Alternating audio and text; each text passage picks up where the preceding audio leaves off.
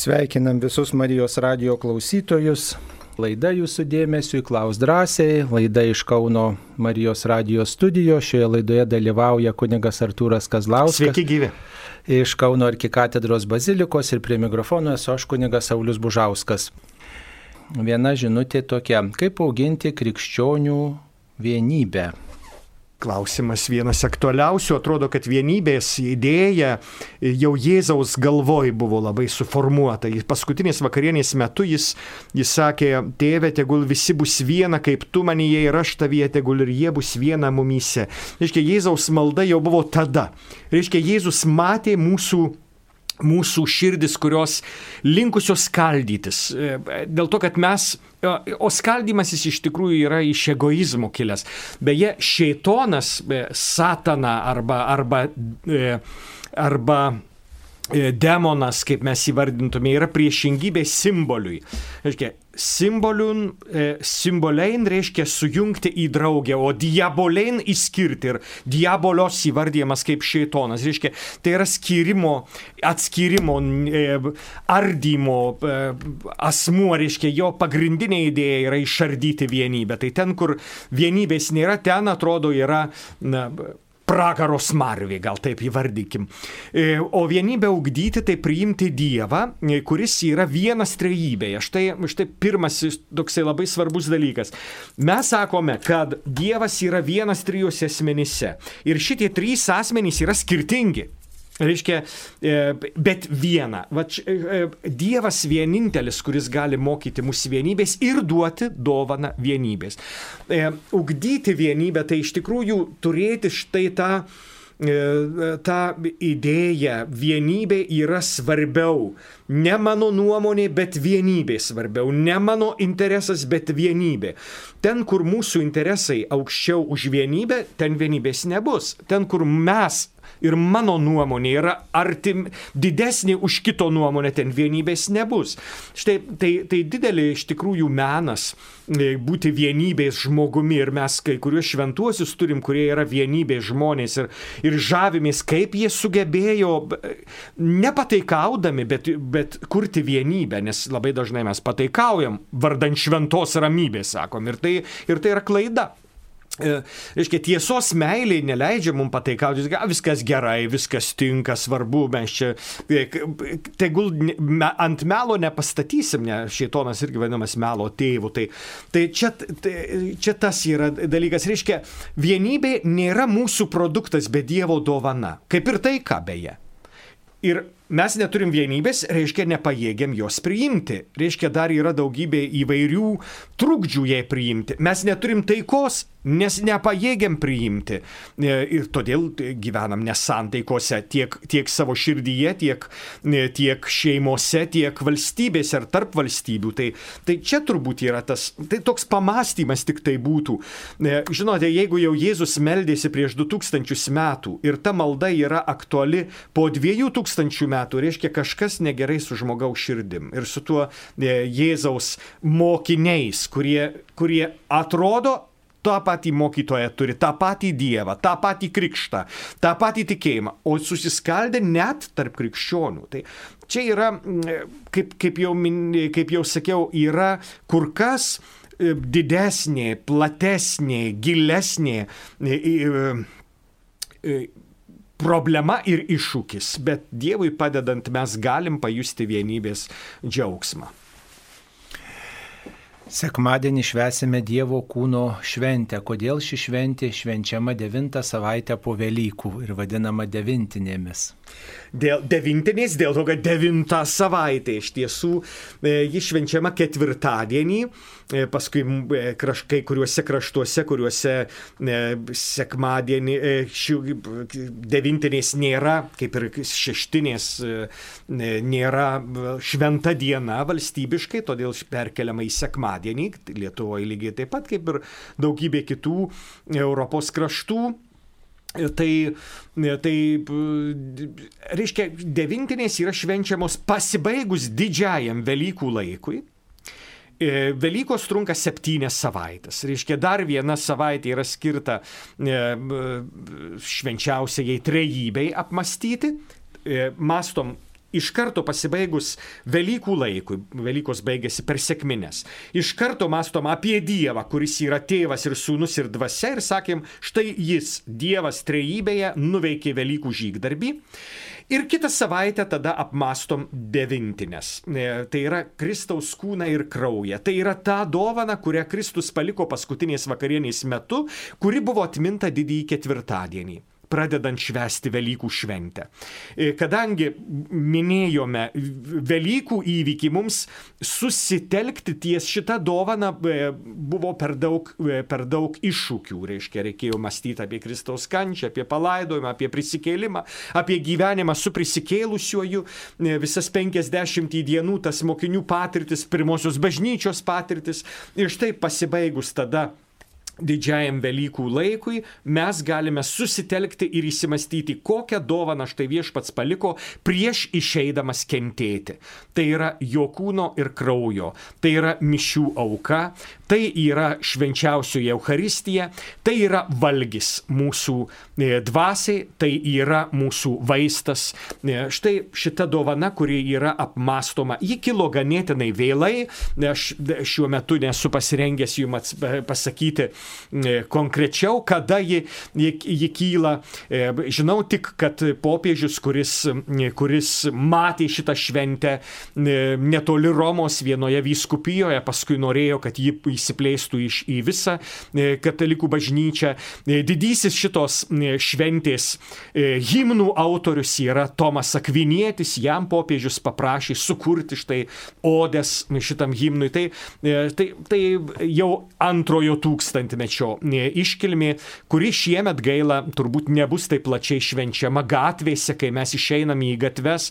Tiesiog pasakyti, kas yra mūsų centras, kas yra mūsų stiprybė, tai yra viešpats Euharistija.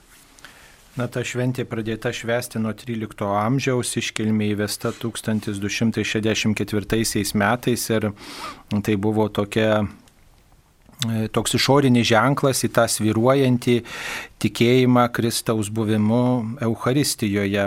Ir šita šventė siejama su Bolseno stebuklu. Tai yra, kai čekų kunigas mm, keliavo iš Prahos į Romą ir Bolsenos miestelį aukojo šventasias mišes abejodamas e, Kristaus buvimu švenčiausiam sakramente ir tuo metu iš konsekruojamos ostijos pradėjęs lašėti kraujas kaip tik tai 13 amžius ir popiežiui tai apie tai buvo pranešta Urbonui IV ir popiežius reaguodamas į, į šį įvykį ir kartu į tą e, sviruojantį žmonių tikėjimą išleido dokumentą bulę ir nuo tų laikų, nuo 13 amžiaus, kaip tik tai ir įvesta šita šventė. Ir tikriausiai e, buvo tuo laiku e, devyniom savaitėm po Velykų praėjus šitas ženklas ir buvo įvykęs. Ir kaip tik tai tuo metu pradėtos renkti procesijos e, nuo Laterano bazilikos iki Marijos didžiosios bazilikos ir popiežius e, tai procesijai vadovaudavo ir tuo, nuo to kilo e, štai tas paprotys įvairiose parapijose, e, ne tik šventoriuose, bet ir po visą miestelį renkti procesiją su švenčiausiu sakramentu ir keliose vietose skaityti, gėdoti Evangelijos ištraukas, kuriuose skelbiama apie Kristaus buvimą, maitinimą, kad Kristus maitina savo tautą ir vienybę su savo tauta kviečia išgyventi. Taip, turime skambutį. Mums paskambino, kasgi paskambino. Ona iš Klaipėdos. Taip, ponute, klauskite. Jūs eterija per amžius. Aš norėjau paklausti, kodėl pirmas Marijos radio direktoriui gėda pasisveikinti katalikiškai. E, ta prasme, garbė Jėzui Kristui. Katalikams juk priklauso ne tik kunigams, bet ir vienu žodžiu ir paprastiems e, pasauliečiams, belikur ir bet su kuo sveikintis garbė Jėzui Kristui. O čia ypatinga radija ir ypatingos laidos. Ir Marijos radio direktorius, ir kunigai sveikinasi sveiki, ar ten laba diena, ar taip toliau, ar jums gėda, ar šitaip galite mokinti, vienu žodžiu, vesti katalikus tikrų tikėjimu. Na, labai graži pastaba, tai tikrai galiu pasisveikinti garbė Jėzui Kristui su jumis ir su visais Marijos radio klausytojais, su visais tikinčiaisiais. E, na, matot, mūsų klausosi įvairia auditorija ir mes įvairiom progom pasisveikinam ir garbė Jėzui Kristui ir sveiki gyvi ir prisiminkite popiežių Pranciškų, kuris e, tik išrinktas, kaip sakant, pasisveikino su visais, e, visais žmonėmis, pasakė labas vakaras. Tai galim įvairiai sveikintis ir taip, ir kitaip. Žinot, svarbiausia, kad mes mes ne tik tai radijui sveikintumės garbė Jėzui Kristui, bet ar iš tiesų, mėla klausytojai, jūs sveikinate su kaimynai, su kitais tikinčiaisiais susitikus garbė Jėzui Kristui, pasakot. Prisimenu savo senelius, kai štai ateidavo kaimynai, peržengdavo slengsti, tai sveikindavosi garbė Jėzui Kristui. Tai ir pasaulietinėje aplinkoje, tai jeigu jau esam nuseklus, tai visur turim tą sveikinimą praktikuoti, o ne tik tai demonstruoti katalikiškam radijim, kad štai mes esam tikintys, o kitur jau sveikinamės taip, kaip išeina. Tai, sakyčiau, nereikėtų čia labai užaštrinti, svarbiausia, kad mes krikščioniškai gyventume ir, ir Kristų skelbtume mm, įvairiais būdais ir, ir, ir čia nemanau, kad būtų labai didelė problema. Aš tai galėčiau papildyti kunigą e, Saulių. E, yra, atsiprašau, ne tik tai šitas vienas garbėjėžiui Kristui pasisveikinimas. Ir jis, jis, beje, jeigu jau būtume visai nuoseklus, tai, tai garbėjėžiui Kristui nėra, nėra tas sveikinimasis, kuris išreiškia, e, e, reiškia, lotyniškas, lotyniškas sveikinimas, liaudetur Jėzus Kristus. Reiškia, te bus pašlovintas Jėzus Kristus. Tai yra toks, toks tikrasis šis e, vertinys turėtų būti, kaip čia mes e, jį turim garbė Jėzui Kristui, truputėlį kitas klausimas. Bet pavyzdžiui, įvairūs šventieji, mes, mes turime modernius šventuosius. Pavyzdžiui, susitikę niekada nesisveikino Liaudetur Jėzus Kristus, bet sveikino Aleliuja, Kristus prisikėlė. Yra tokia net knyga išleista. E, tai patys įvairiausi būdai, kaip mes sveikinamės. Jėzus, pavyzdžiui, irgi nesakė garbė Jėzui Kristui, bet kai susitiko moteris po prisikėlimo, kūrimo, reiškia ypatingas, o sako sveikos. Dabar tas žodis sveikos reiškia e, išganyti. Reiškia, jūs, pas, jūs esate sveiki dėl mano jėgos, dėl mano galios. Tai iš, iš tos pusės, reiškia, iš, sveikas yra išgelbėtas. Tai tas, tada, kai mes sveikiname sveiki, tai yra tikrasis prisikėlusio sveikinimas. Jis nugalėjęs mirtį, jis susitikęs pirmą savo e, drauges, e, reiškia, jis sako sveikos, reiškia, jūs išgelbėti esate. Arba laba diena, reiškia, tegul bus pilna diena gerumo, šviesos, labo. E, tas labas tai nėra, reiškia, tik tai tas jaunatviškas labas, bet iš tikrųjų labas yra geras, labas yra šviesus, labas yra e, tai, kas šventa Tai yra labas. Tai ne, nebūtinai mes turėtume sakyti apie tai, kad labas yra visiškai netinkamas. Kaip kažkurie šventeivos kažkada sakė, kaip ne, nedėra pasaulietiškai duoti ramybę delnas į delną arba paduoti dešinę. Atsiprašau, apaštalas Paulius sako, mes su Petru padavėm dešinės draugystės ženklam apaštališkas ženklas ramybės ir vienybės. Tai nebūtinai tai, kas yra pasaulyje, yra blogai. Pavyzdžiui, kas žino, kaip rusiškai dėkojama. Spasiba reiškia gelbėk Dievę, spasybok. O atrodo, atrodo, kad tai yra tik tiesiog pasyba. Tai tuose mūsų pasaulietiniuose dalykuose gali slypėti labai daug šviesos ir labai daug krikščioniškumo. Nebūtinai tai, ką mes, tai, ką mes vadinam pasaulietišku, yra nekrikščioniška. Taip apie švenčiausio sakramento dalymą į rankas. Galima širdies smūgį gauti, kada kai kurie žmonės paėmę ostiją keletą kartų baksnoja į kaukę, norėdami įkišti per viršų ar apačią kaukės, kol įsideda į burną. Kaukės panašiai kaip kieliko taurės purifikatorius lieka pribraukyto švenčiausio sakramento ir metamos į šiukšlyną. Taip įskaudinsim Jėzų ir žmonijai užtrauksim nelaimės tai tikriausiai švenčiausio sakramento išniekinimas, kada tai baigsis. Švenčiausiasis sakramentas buvo niekinamas visais met laikais ir dabar taip pat. Ir labiausiai jis niekinamas mūsų nuodėmėmis. Tai tas žmogus, kuris priima komuniją į burną ir štai iš karto pradeda kalbėti apie kitą neigiamai, jau niekina švenčiausiai sakramentą. Tas, kuris niekina kitą žmogų, jau niekina švenčiausiai sakramentą. Tas, kuris neturi pagarbos kitam žmogui, jau niekina švenčiausiai sakramentą. Nepamirškim, kad švenčiausiasis sakramentas yra materiali duona. Viešpats buvo toks nuolankus, kad mums duoda materialią duoną. Jis duoda ne tik šventąją dvasę, kuri yra nemateriali, bet štai per šventąją dvasę ir jo žodį mes gaunam duonos gabalėlį. Tai, tai yra viešpaties nuolankumas. Tai yra kažkas, ko mes nepajėgsim e, suvokti, mes turim klauptis ir dėkoti Dievui už jo nuolankumą. Mes išdidėjai, mes, kurie kitus niekina, mes, kurie kitus smerkia, mes, kurie geriau suprantam, kaip reikia. Čia, čia turbūt mąstymas tas, tas yra didysis. Ne tai, kad yra paniekinimas, kai žmogus pasimeta, kai žmogus nesusigaudo, kai žmogui yra sunku. Ar esate bandę kada nors atsigerti stiklinę vandens per kaukę? Turbūt esate bandę visi. Man irgi yra tekę ir, ir, ir kažkaip pagalvo, koks kvailas, reiškia, kaip gali per kaukę. E, tie, kas, tai, kas netyčia, nėra problema. Tai, kas yra nepiktybiška, nėra problema. Didžiausia problema yra mūsų piktybiškumas. Aš taip sakyčiau šitą klausimą sprendžiant.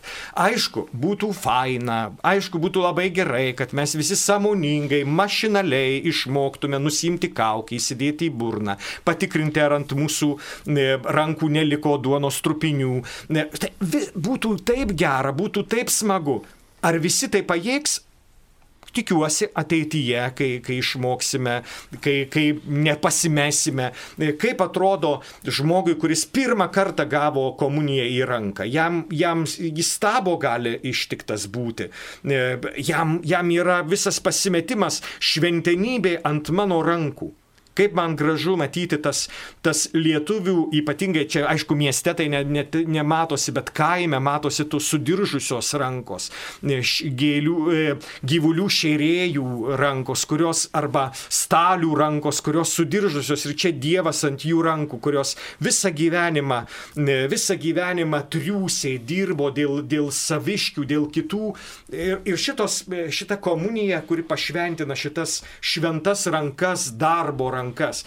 Aš visada e, liūdėdavo, kad Lietuvos tikintieji negali pas, pašventinti rankų šitą komuniją, kaip kokie italai ar kokie nors kiti, kurie, kurių rankos galėdavo būti liesti šitą komuniją. Ir ačiū Dievui, pandemija staiga, e, staiga leido ir e, mūsų žmonėms šitą Dievas panaudoja įvairiausius dalykus saviems tikslams. Tai E, siūlau mąstyti apie komuniją kaip apie ypatingą materialią dovaną. Ir mąstyti, kas, kaip iš tikrųjų galime pašlovinti Dievą Euharistijoje. Ir kas iš tikrųjų yra didžiausios šventvagystės. E, ir kas iš tikrųjų patys didžiausi paniekinimai. Tai truputį išplėskim šitą, e, šitą žvilgsnį. Aš suprantu puikiai tą, tą nerimą, tą, tą baimę, bet matykim dalykus truputėlį plačiau. Čia tas paprotys priimti komuniją į ranką nėra čia modernių laikų išgalvojimas, tai labai sena, sena tradicija padaryti Dievui sostą. Žodžiu, dar prieš viduramžius gyvavęs paprotys, tai, žinot, reikia krikščionių samoningumo, o aišku, išniekinimo pavojus visada yra svarbiausia, kad turbūt savo nuodėmėmis mes e, neišniekintume viešpaties. Štai Kirilas Jeruzalietis e, ketvirtajame amžiuje pasakęs tokius žodžius, kad reikia padaryti iš dešinės ir kairės sostą, kad priimtume į karalių, neimti viešpaties pirštais, bet ištiesti delną, parodyti pagarbą tokią.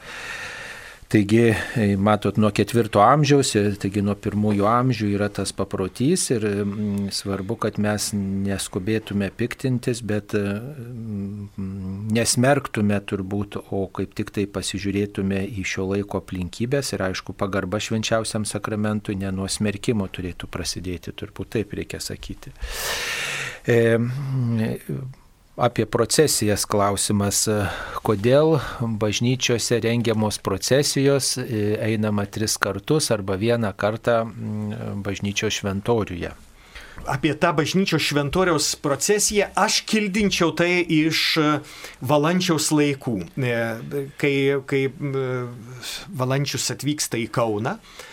Ir Eucharistinė procesija būdavo viena turbūt e, metuose, tai, e, tai Dievo kūno ir kraujo procesija ir jinai nebuvo apie bažnyčią, einama, būdavo gatvėse. Ir štai susidurėma su tuo, kad e, caras neleidžia katalikams katalikams manifestacijų miesto viduje ir štai valančius apsisprendžia turėti procesiją aplink bažnyčias. Reiškia, šitokius leidžiam, šitokios procesijos leidžiamos, nes ortodoksų e, tradicijoje yra kriosnaichot, e, tai yra kryžiaus e, kelias arba kryžiaus procesija, mes taip turbūt išva, į, įvardintume, kuri ir yra būtent mūsų procesijų aplink bažnyčią e, pir, e, prototipas, gal taip įvardinkime. Ir štai tos procesijos tai iš tiesų tas caro valdžios e, neleidimo e, vaisius e, neleidimo eiti gatvėmis. Paskui, aišku, pradėtos renkti ir, ir kitos procesijos, norint tas manifestacijas su švenčiausiojų sakramentu ar be švenčiausiojų sakramentu.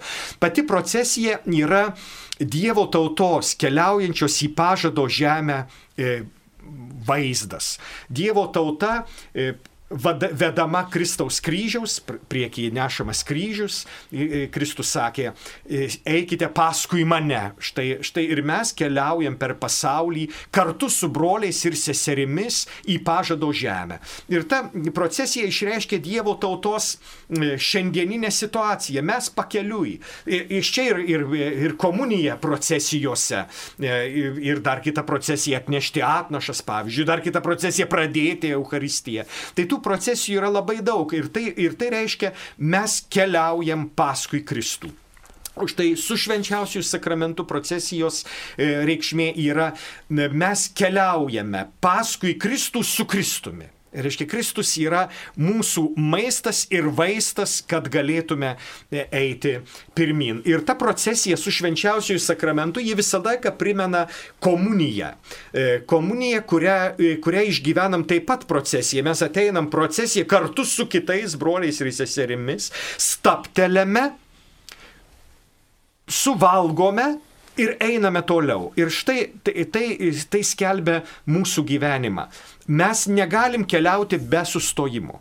Mes negalim keliauti be poilsio, mes negalim keliauti be pasistiprinimo. Ir Euharistija būtent yra tas dvasinis e, mūsų valgys, kuris stiprina tolesniam gyvenimo keliui. Tai procesijos yra būtent šitos kelionės e, ženklas ir vaizdas. E, pasakykite, kas tai yra Eucharistinis pasninkas ir kodėl jo reikia laikytis.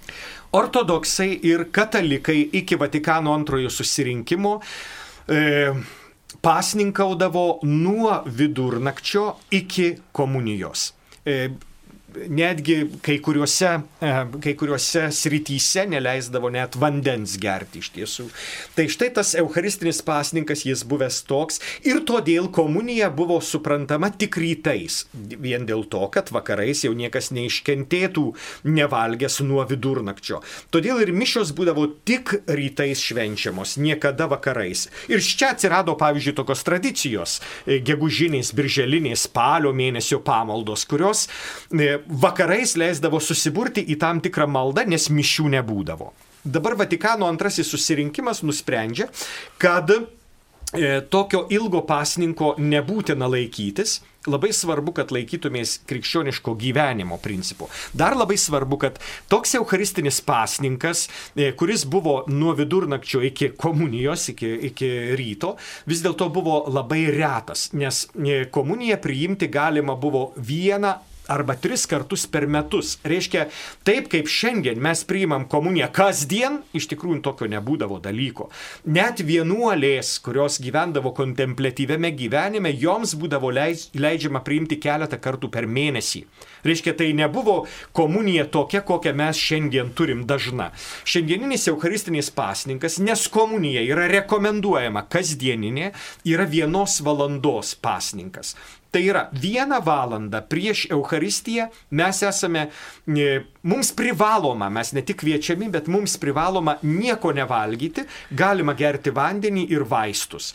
Štai tas, ta valanda reiškia rengimasis didžiajam valgiui, kuris yra Eucharistija. Tai kviečiame laikytis pasninko pagal šio laikinę tvarką valandą prieš šventasias mišes. E, tai iš pagarbos viešpačiui, kurį čia priimame ir kuris ateina mus pastiprinti, tai mes išreiškiam tokiu būdu ilgesį ir troškimą priimti ir vienyti su Dievu.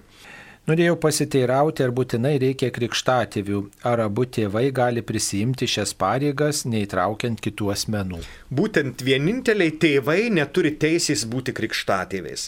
Tai reiškia, krikštatėviais gali tapti pakrikštyti ir sutvirtinti ir krikščionišką gyvenimą gyvenantieji, išskyrus tėvai, tam, kad tai būtų bažnyčios atstovas katali, e, katali, naujojo kataliko šeimoje. Iškia, krikštatėvis nėra e, fiktyvi kokia nors, na žinai, pabūk, e, pabūk čia per krikštą. Krikštatėvio pagrindinis tikslas yra padėti tėvams ugdyti krikštavaikį tikėjimą.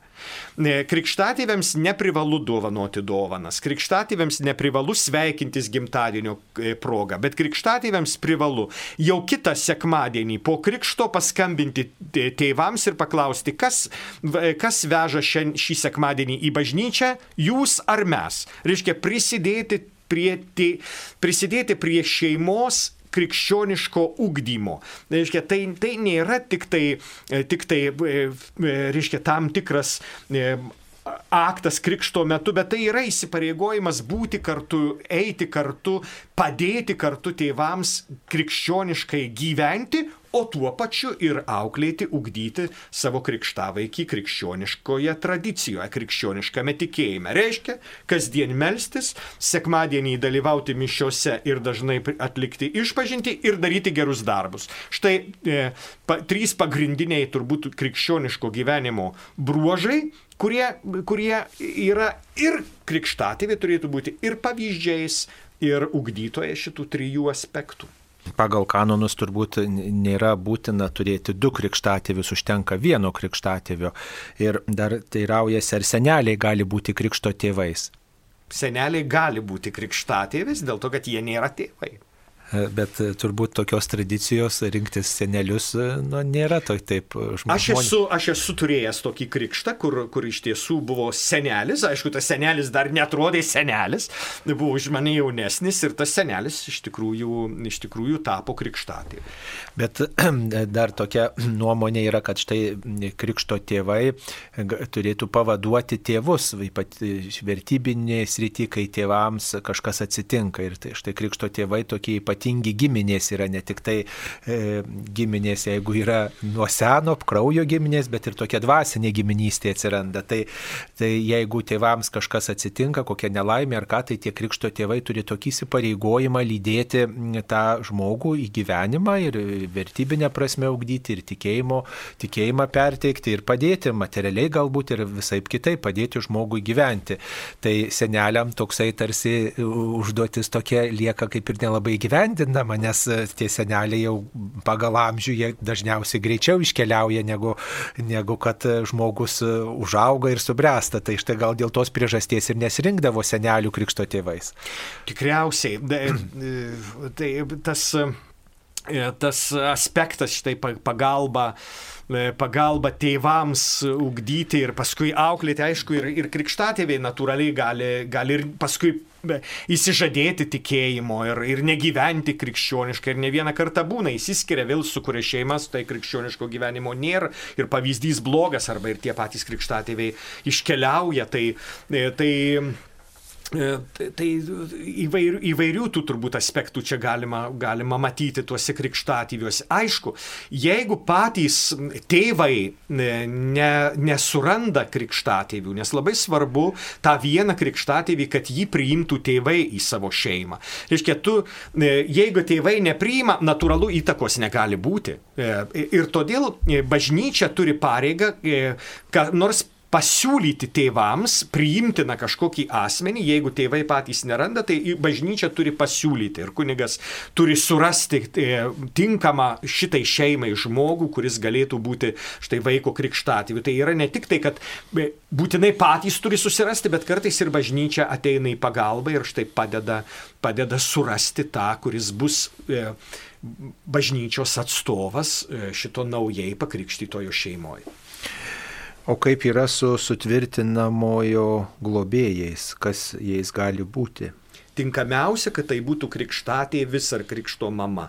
Reiškia, jie, kurie atsakingi už e, tavo krikščionišką ugdymą, štai ir galėtų būti tinkamiausiais liudytojais. Žiūrėk, mano krikštavaikis pasirengė sutvirtinimui. Žiūrėk, jį, jį, pa, e, jis nori prisijimti bažnyčios misiją, nes tarp visų kitų dalykų sutvirtinimo sakramentas ir yra bažnyčios misijos prisėmimas. Reiškia, tai, kad, kad aš, aš noriu būti bažnyčios nariu, aš noriu būti bažnyčios misijos nariu, tai krikštatėvis čia yra pats tinkamiausias asmuo.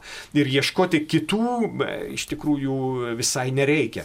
Tas, kuris jau prisėmė nuo tavo krikšto, valandos, štai ir dabar tame kitame žingsnyje e, krikšto atbaigimo, sakykime, ar negražu taip sakyti atbaigimos, nes e, mūsų galvose sutvirtinimas atrodo yra į, į krikščioninimo kulminaciją. Vis dėlto į krikščioninimo kulminacija yra Euharistija. Ji yra e, aukščiausias aukščiausia gaida mūsų krikščioniškume. Tai, o sutvirtinimas yra tas šventasis patepimas. Anot bažnyčios, ne vienas nesutvirtintas negali priimti komunijos arba nepateptas krizma, reiškia netapęs panašių į Kristų. Tai natūralu, kad, kad krikštatėvis ir yra pats tinkamiausias. Aišku, jeigu krikštatėvių nėra ar krikštatėviai jau netinkami dėl mano anksčiau minėtų priežasčių, kviečiamas kitas sutvirtintas krikščionis gyvenantis pagal savo tikėjimą.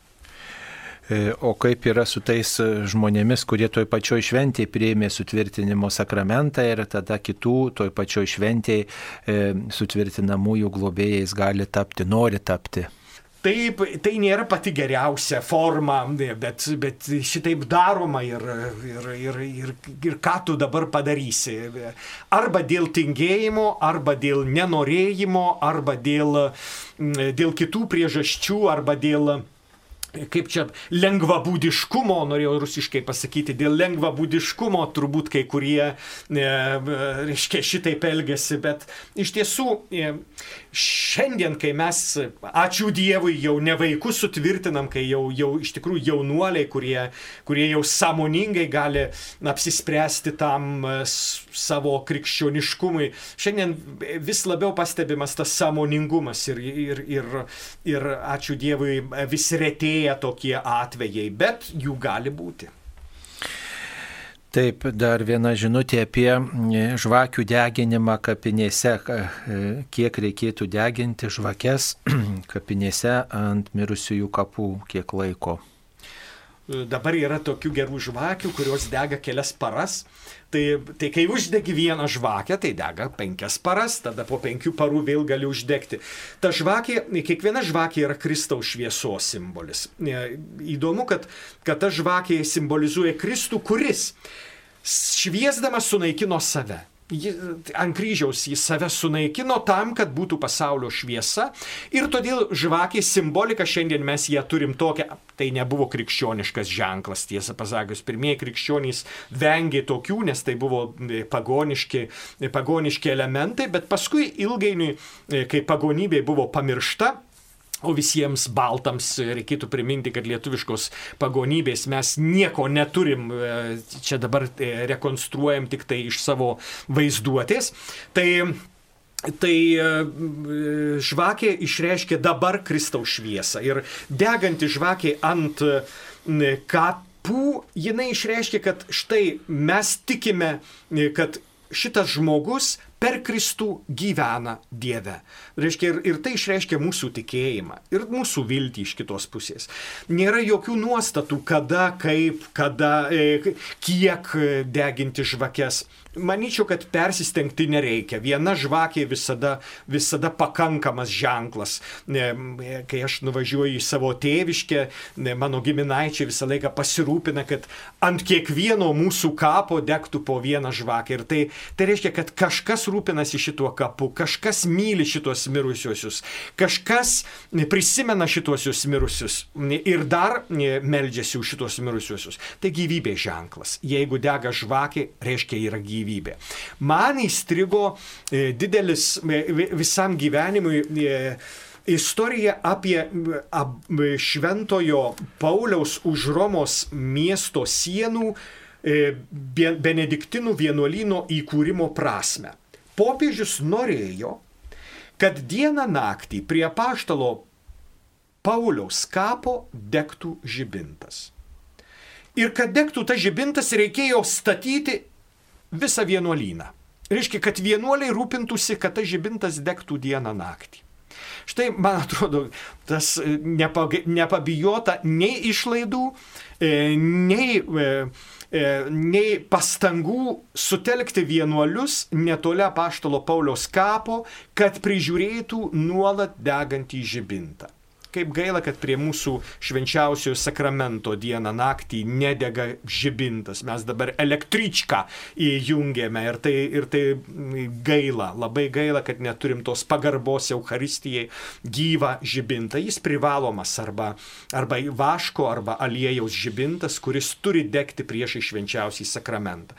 Tose vietose, kur negalima e, naktį palikti, turi būti kitas ženklas, vadinamoji konopėja arba užuolaida, uždanga, kuri dengia visą tabernakulį. Štai du ženklai - arba žibintas, arba konopėja. E, su mūsų Lietuvos bažnyčių e, reikalai šitą prasme yra na, nelabai, nelabai geri kol kas. Tai štai truputį išplėčiau tą žvakės degimą ant, ant kapo. Na, žvakė pirmiausiai primena Kristų ir turbūt nuo pagal seną paprotį yra pašventintos žvakės e, pageidautina, kad būtų uždegtos. Tokiu būdu išreiškėme krikščionišką tikėjimą. Dar viena žinutė yra apie mirusiųjų lankymą. Ar kaip dažnai reikėtų lankyti mirusiųjų kapus? E, pseudo Augustino e, tekste, pseudo todėl, kad jis vadinasi Augustino, o O, o ar tai tikrai Augustinas nėra duomenų, parašė šitą tekstą. Ir tame tekste yra štai kas. Kalbėkite su manimi. Štai po mirties čia, čia Augustinas sako, kalbėkite su manimi, ne, neliūdėkite manęs, bet žinokite, aš esu Dieve.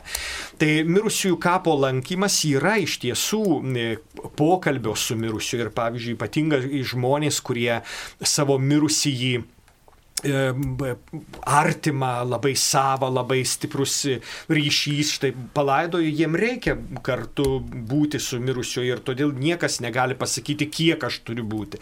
Persistengti dėl to, kad kiti matytų, yra klaida ir yra e, neigiamas dalykas, bet jeigu tai yra tavo noras aplankyti kapą, kas tau gali uždrausti. Įdomu, kad pirmaisiais krikščionybės amžiais pagonis E, e, mirusiųjų kapų lankymas labai trikdė. Pagonys buvo pašiurpę į tuos krikščionys žiūrėdami. Ne tik tai, kad jie nedegina kapų, ne tik tai, kad jie laidoja su visų kūnu, kaip viešpats Jėzus buvo palaidotas, ne tik tai, kad jie už miesto kažkur išneša pelenus ir palieka ir niekada neslanko jų kapinėse, bet jie dažnai juos lanko, dažnai su jais bendrauja. Tai, tai štai, štai tas pagonių žvilgsnis į krikščionis buvo, buvo toks sušurpu, kaip jie taip su tais mirusiaisiais bendrauja. E, krikščionys bendrauja, e, šventųjų bendravimas yra ne tik komunija, bet ir tas tas pokalbis su, su mūsų mirusiaisiais. Ir malda, linkint, kad jie kuo greičiau džiūgautų danguje. Dar kapinių tema yra toks klausimas grįžti į kapines po žmogaus palaidojimo, kada reikėtų, ar yra numatyta, kaip tą padaryti. Aš manau, kad, kad kai nuvysta tos gėlės, būtų gerai, kad kuo greičiau jos būtų išmestos į, e, į konteinerius, bet irgi nepamirškim rūšiuoti šiukšlių. E, tai irgi būtų labai svarbus dalykas ir, ir galbūt, aš čia ne, nenoriu nenoriu kažką, e, kažką įžeisti ar prie komercijos prisidėti, galbūt tų kažikėlių atsisakyti, e, nes, nes jie, žinote, e, neša kai kam pelną, o iš tikrųjų tai paskui ekologiškai mes turime išmokti gyventi. Aišku, ir tų nešti vainikų, nešti besaiko gėlių mes turėtume išmokti visai kitaip, kitaip pagerbti mirusį. Galbūt vienas gėlė žiedas, galbūt parama šeimai, kuri laidoja savo artimai, galėtų būti visiškai kita, visiškai kita kultūra. Visada prisiminsiu Italijos parapijas, kuriuose viena puokštė nuo šeimos ir daugiau niekas jokių gėlių neneša. Tai reiškia, viena puokštė, kuri uždėta ant karsto, viskas. Ir staiga prie bažnyčios. E, e, atsisėda senjoras ar senjorė ir staiga užrašas Fiori Kenon Marciškono. E, gėlės, kurios nevysta. Užsakyk mišes, e, reiškia, užsakyk maldas užmirusį ir, ir visi dalyviai laidotuvėse užsako mišes ir, ir tų mišių ten būna besaiko kartais už tą vieną mirusį. Štai gėlė, kuri, kuri niekada ne, nevysta. Tai tos gėlės, nu kaip pasakyti, jos, jos pas mus e, padaroma iš, iš kapo, dažnai pavirsta šiukšlių krūva jau antrą dieną po, po palaidojimo ir tai graudu žiūrėti pasakyti ir ne tik, ne tik todėl, kad, kad e, šitoks laidokavimas yra nekrikščioniškas, bet, bet, bet ir, ir, ir paskui kiek rūpešio šeimai, kol išneši tas šiukšlės, atsiprašant, gėlės jau ne, ne, ne gėlės, jos šiukšlės. Tai irgi mąstyti apie tai, o kada tai padaryti, nėra jokių nuostatų. Tie prietariniai nuostatai, kad reikia palaukti kažkiek, yra prietariniai. Ir, ir jie e, krikščioniui nėra reikšmingi, jie nesalygoja įtakoja e, mūsų. Mes galime būti laisvi elgtis taip, kaip šitoje vietoje mums atrodytų. Kas yra krikšto e, liudytojai ir kam jie reikalingi? E, labai dažnai būna, kad nekrikščioniškai gyvenantys arba nekatalikai norėtų būti krikštatėvis. Tai štai bažnyčia suranda tokią formą, kaip galima juos įtraukti į, į, į šitą e, faktą. Būtinas vienas krikštatėvis ar viena krikštamotė, kuri privalo būti katalikė, praktikuojanti e, ir gyvenanti krikščionišką gyvenimą. Reiškia, asmuo, kuris, kuriam krikščionybė ne forma, bet turinys. E, o tada ne pagal krikščionišką principą gyvenantieji arba ne katalikai arba net nekrikščionys, jeigu tokie nori, no, tėvai nori būtinai kažkaip juos priskaityti prie krikšto akto, jie yra kviečiami būti krikšto liudy, liudytojais.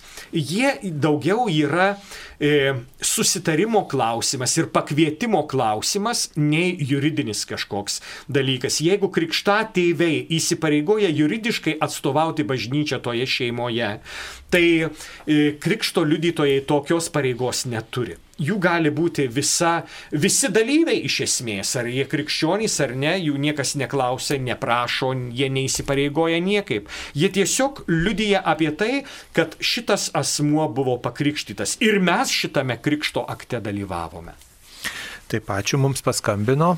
Algis iš Kauno. Taip, Algi, klauskite. Liaudės Kristus. Liaudėtų. Malonus, e, pasakykite, ar galima atšaukti krikštatėvius, jeigu jie yra susikormitavę, tapę e, girtuokliai, nu, vienu žodžiu, nieko nesirūpina savo e, pareigomis. Taip, ačiū.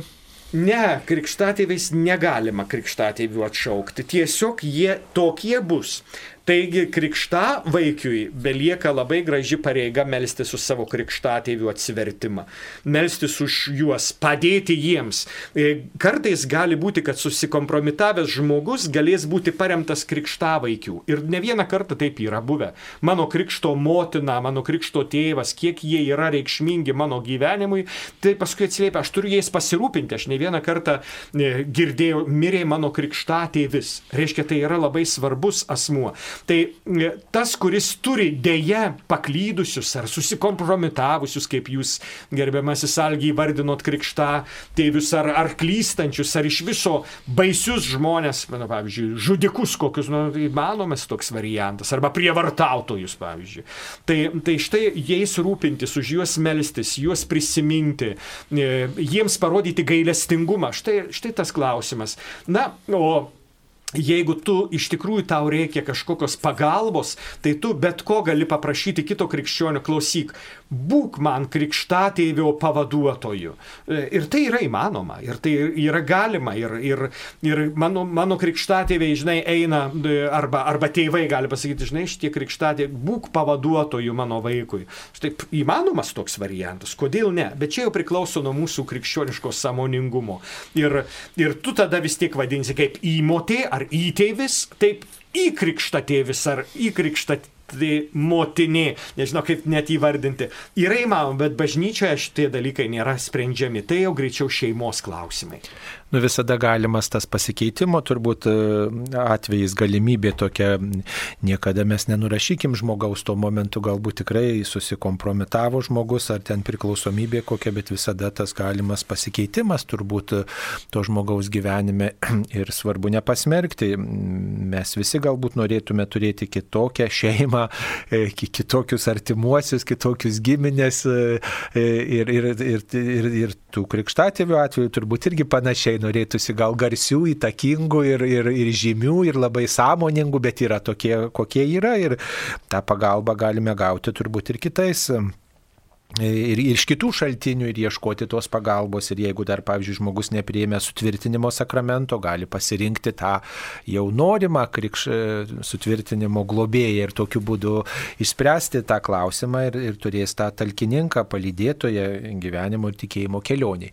Mums paskambino Na tai dar apie išpažinti vienas klausimas yra mm, išpažintis, kodėl ji reikalinga ir daug priimančių komuniją, o išpažinties einančių mažai, ką bažnyčia gali keisti na, tas e, daug ir mažai, čia, čia sąlyginiai turbūt dalykai, mes tikrai neįlysim į, į, į žmonių širdį ir negalim pasakyti, ar jie buvo išpažinties ar ne. Žinote, aš daugybę metų tarnaudamas Sobore, Kaune, e, galvoju, kodėl tie žmonės pas mus neina išpažinties. Tada atvėjau tarnauti į katedrą, staiga žiūriu, mano Soboro žmonės atlieka išpažinti arkikatedroje.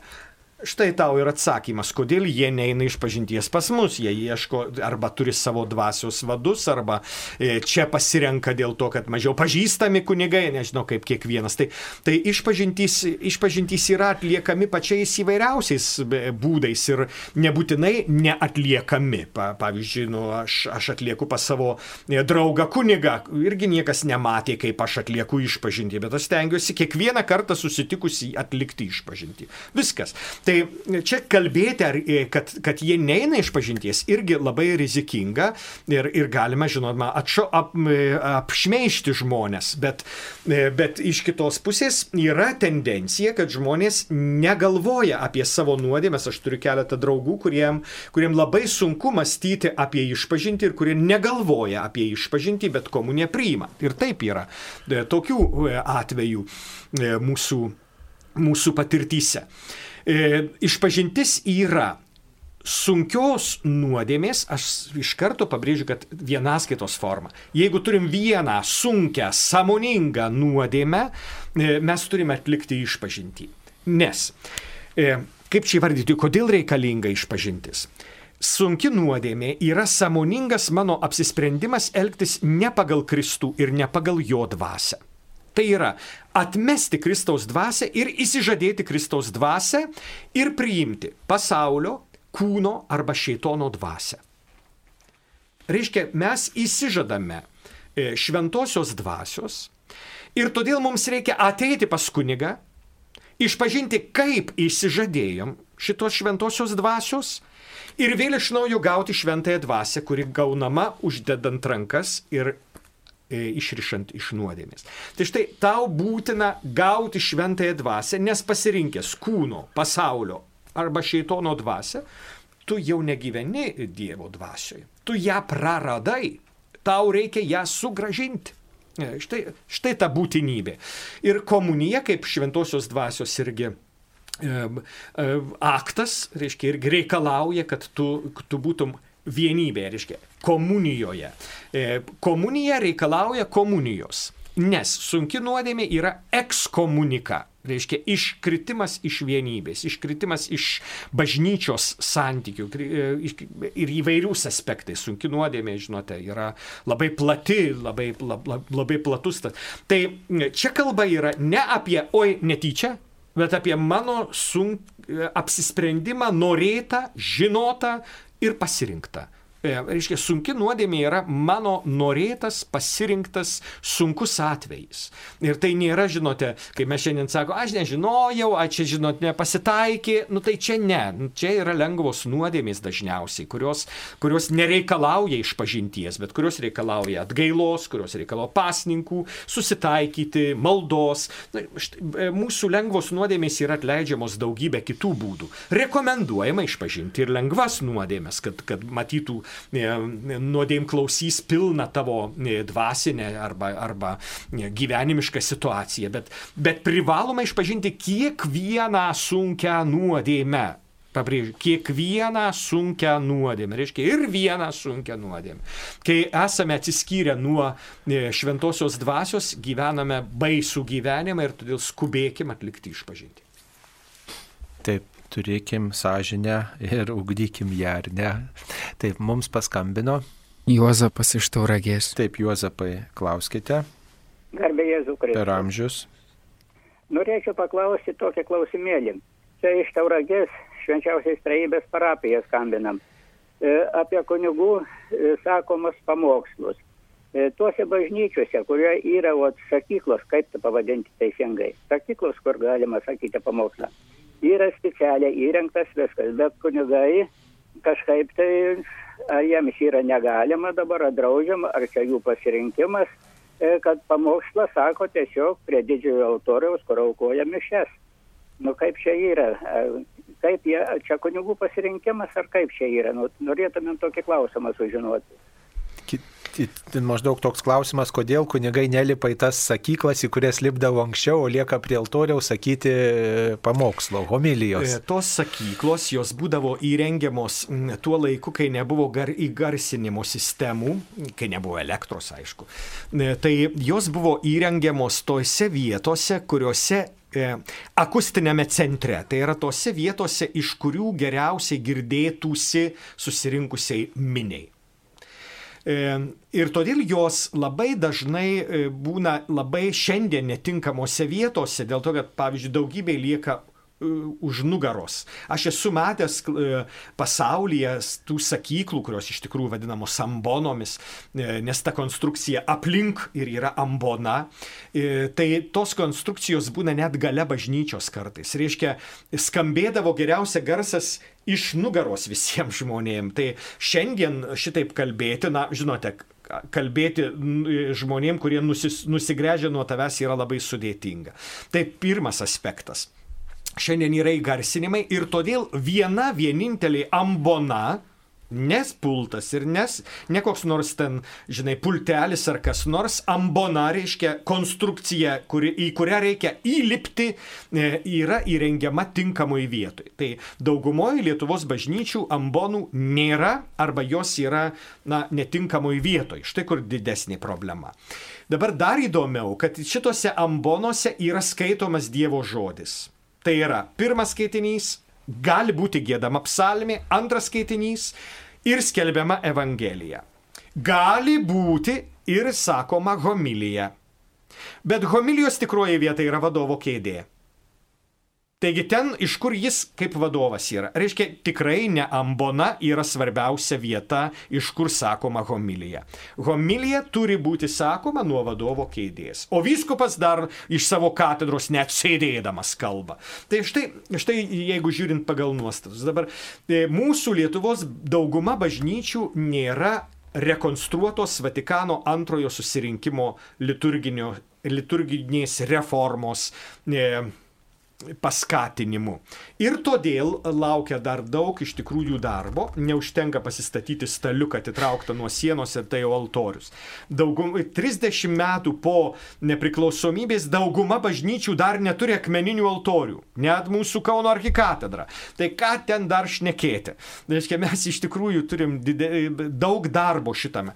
Na, ruošiame naująjį mišiolą Naujasis trečiasis mišiolo leidimas turi dar didesnis įvadus ir dar didesnės nuorodas, platesnės nuorodas, kaip įrengti šiandieninę bažnyčią.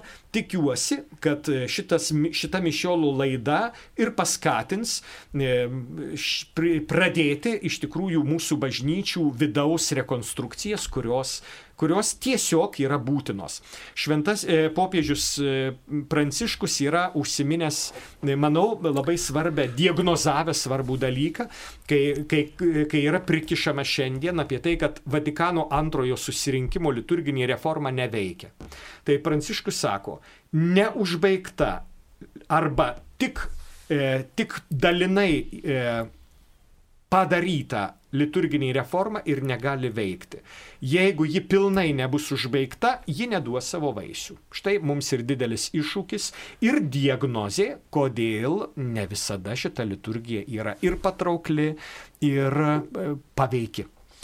Turbūt svarbiausias dalykas, kas yra sakoma, o ne iš kur yra sakoma. Ka, iš kur be būtų sakoma, reikėtų atkreipti, žodžiu, dėmesį į tekstą, kuris skelbiamas ir, ir, ir prisitaikyti savo ir kad gerai girdėtųsi, kad gerai visi pamaldų dalyviai girdėtų. Tai, o ten ar kunigas bus vienoje ar kitoje vietoje, tai čia jau, jau kiti dalykai, aišku, jie svarbus, bet ne patys svarbiausi, turbūt taip galima apibendrinti.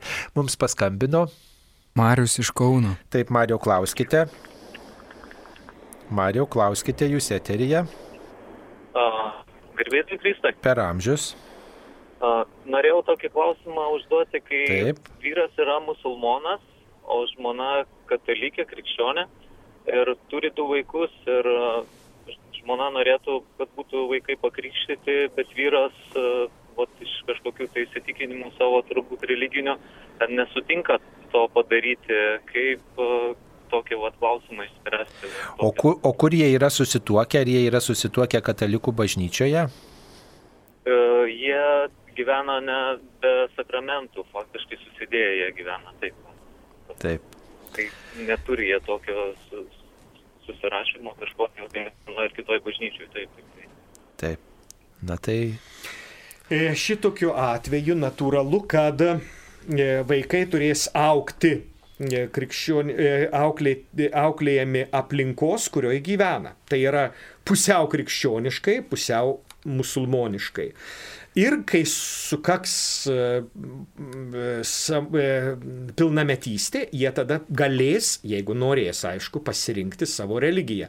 Šiuo atveju, e, šiuo atveju negali žmona daryti, žmona, nu, sugyventinė, kaip mes jį vardintume, draugė, arba musulmono vaikų mama krikščionė negali turbūt elgtis taip, kaip jai atrodo, jei kartu kuriamas gyvenimas. Jeigu sugyvenama kartu.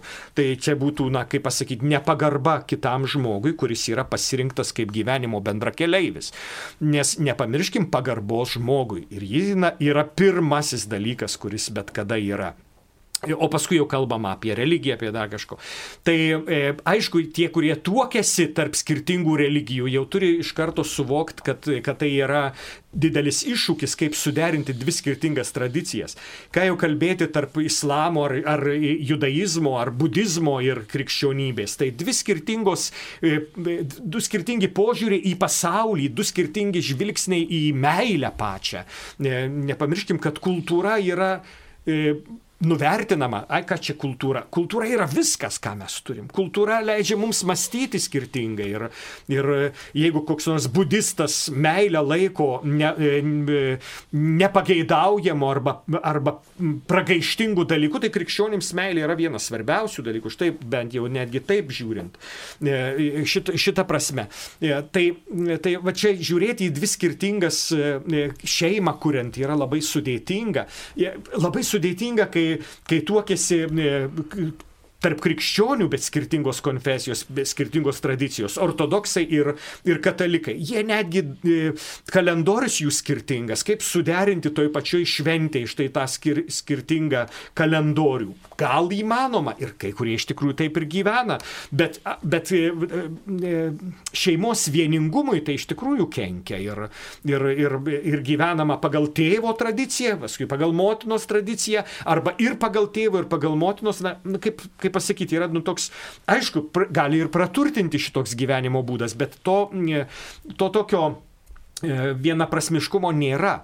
E, dabar jeigu tuokiamasi katalikų bažnyčioje, e, tai natūralu, kad ne katalikas ir nekrikščionis, jis privalo įsipareigoti sudaryti sąlygas vaikus, kurie gims iš šitos katalikiškos santuokos, vaikus netrukdyti vaikus auklėti krikščioniškai, reiškia ir krikštyti. Tai jau buvo sąlyga sudaryti, e, jeigu tuokiamasi katalikų bažnyčioje, sąlyga sudaryti santuoką katalikų bažnyčioje yra vaikai auklėjami krikščioniškai. Jeigu šitokių atvejų nebūta, natūralu, nėra nei pareigos, Ir kartu netgi neteisėta būtų ne, nega, paniekinimas e, islamo išpažinėjo, kuris yra mano gyvenime pasirinktas kaip, kaip draugas. Tai, tai va čia turbūt šitaip reikėtų mąstyti. Nežinau, Saulis gal kitaip. Taip, reikėtų gal turbūt įspręsti tą klausimą, kaip jūs toliau gyvensit su tuo žmogum, kaip jūs įsipareigosit, ar jūs e, priimsit santoko sakramentą, ar jūs e, tuoksitės pagal jo tradiciją, kaip jūs toliau gyvensit su tuo žmogum, kad būtų aiškumas jums. Vat, ir, ir ir turbūt iš čia kils tos pasiekmes, kaip jūs ir vaikus auklėsite ir kokiu, kokiu tikėjimu ugdysite. E, tai va apie tai reikia turbūt pagalvoti. O šiaip tai m, mm, nuo seno taip ir būdavo daroma, kad pirmiausia ne vaikai pradedami, bet e, na, įsipareigojama kitam žmogui, reiškia, va tada saugu pradėti vaikus ir aišku, kokioj dvasioje juos ugdyti. Tai štai toks tas kelias, o jeigu kitaip pasirinkta tai pradėti, tai m, keliauti per gyvenimą, tai tada vat, kyla ir tokie klausimai, kurie neturi tokio lengvo atsakymo. Žodžiu, bendrauti reikėtų su tuo žmogumi ir nuspręsti, kaip toliau gyvensim. Mums paskambino.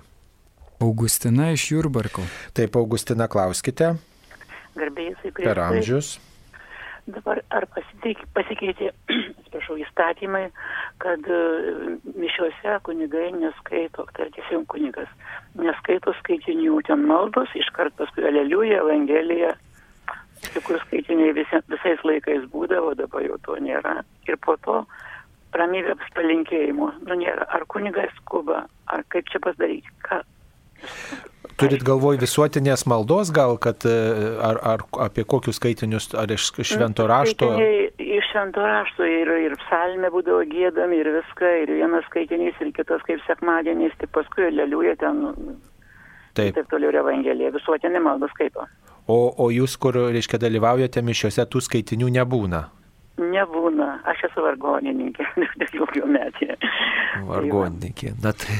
Nu, tai jūs išdavėte paslapti, kuri pas jūs turbūt slepiama. E, Dievo žodis yra privalomas ir, ir visi skaitiniai, ypatingai sekmadienį, negali būti keičiami. E, reiškia, jie privalo būti visi skaitomi ir, ir kunigas negali pasirinkti skaityti, neskaityti. E, e, aišku, pats kunigas, aš čia dabar ne, irgi besilankydamas parapijose matau, kiek, kiek čia tų problemų yra kitokių, pavyzdžiui, nėra skaitovų Na, kam tie skaitovai, jeigu pats aš galiu atsiskaityti. Ir tai yra, nu, išduoda, kad, kad neveikia kažkas parapijoje. Reiškia, nėra skaitovų, nėra, tai reiškia, nėra nei Biblijos grupės.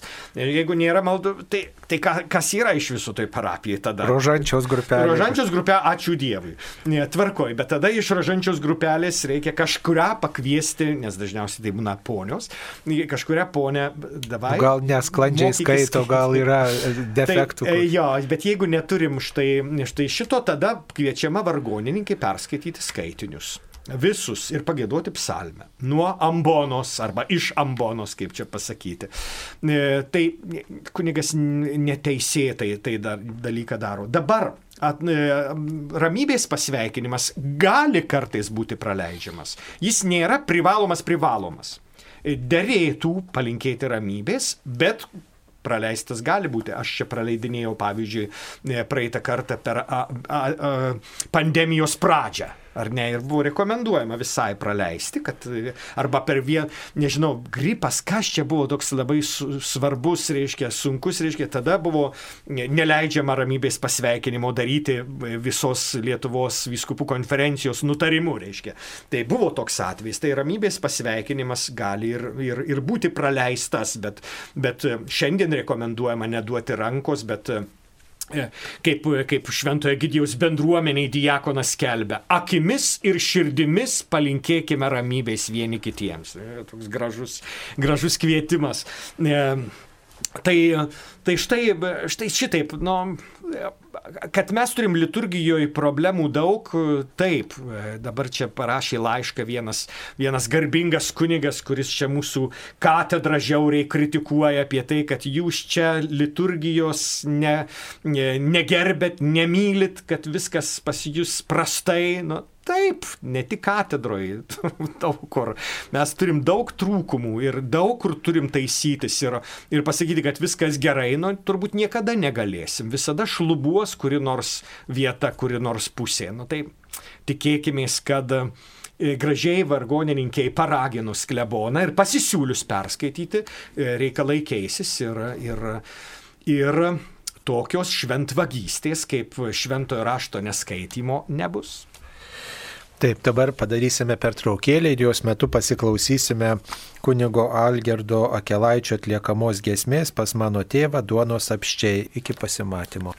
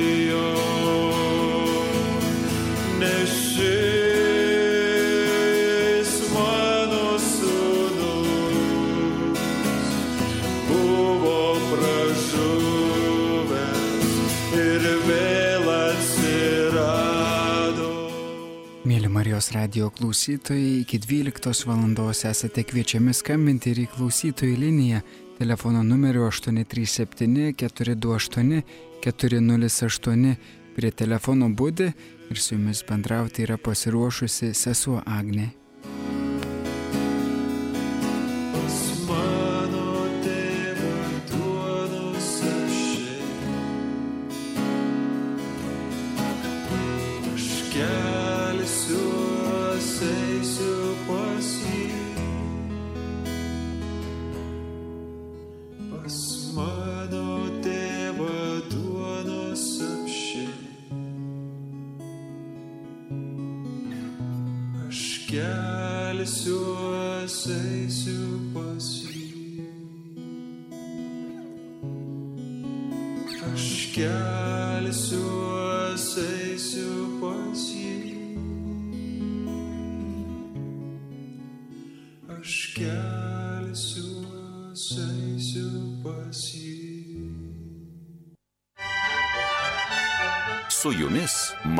Marijos radijas.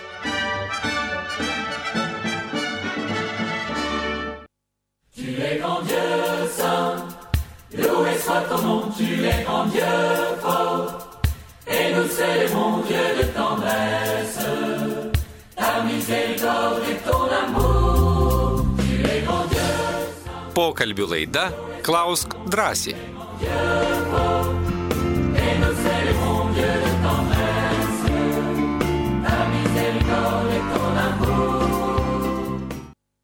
Taigi po pertraukos, mėly Marijos radio klausytojai, vėl susitinkame radio studijoje Kaune.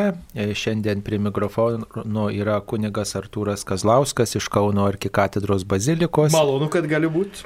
Ir taip pat esu aš kunigas Saulis Bužauskas. Laisvaisiais krikščionėmis save prisistatantys protestantai suvokia, kad užtenka klausyti tik Jėzaus. Kaip jiems įtikinamai atsakyti, kodėl mes katalikai klausome bažnyčios mokymo, popiežiaus, vyskupų ir kunigų? Visai neteisinga sakyti, kad laisvėjai krikščionys klauso tik Jėzaus. Jie, jie taip pat turi savo tradiciją ir sako, kad nereikia klausytis taip, kaip katalikai klauso popiežiaus, vyskupų ir kunigų.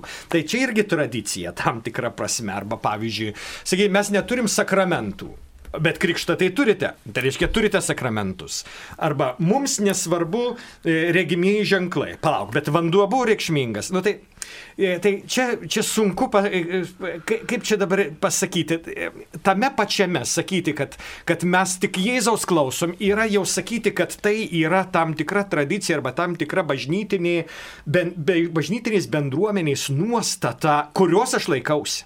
Reiškia, tai, tai nėra tik Jėzaus klausyti, reiškia jau turėti savitą tradiciją, reiškia laisvųjų krikščionių tradiciją, kurią aš esu ištikimas. Lygiai kaip krikščio, katalikai sako, mes, mūsų pagrindas yra tradicija, e, iš tikrųjų, šventasis raštas ir tradicija, lygiai tą patį turėtų sakyti ir kiti tiek liuteronai, tiek protestantai, reformatai, e, tiek laisviai krikščionys. Šventasis raštas Jėzus ir mūsų bendrijos tradicija. Taip yra. O kaip įtikinamai jiems pasakyti, kad štai mes klausomės popiežiaus viskupų, kunigų.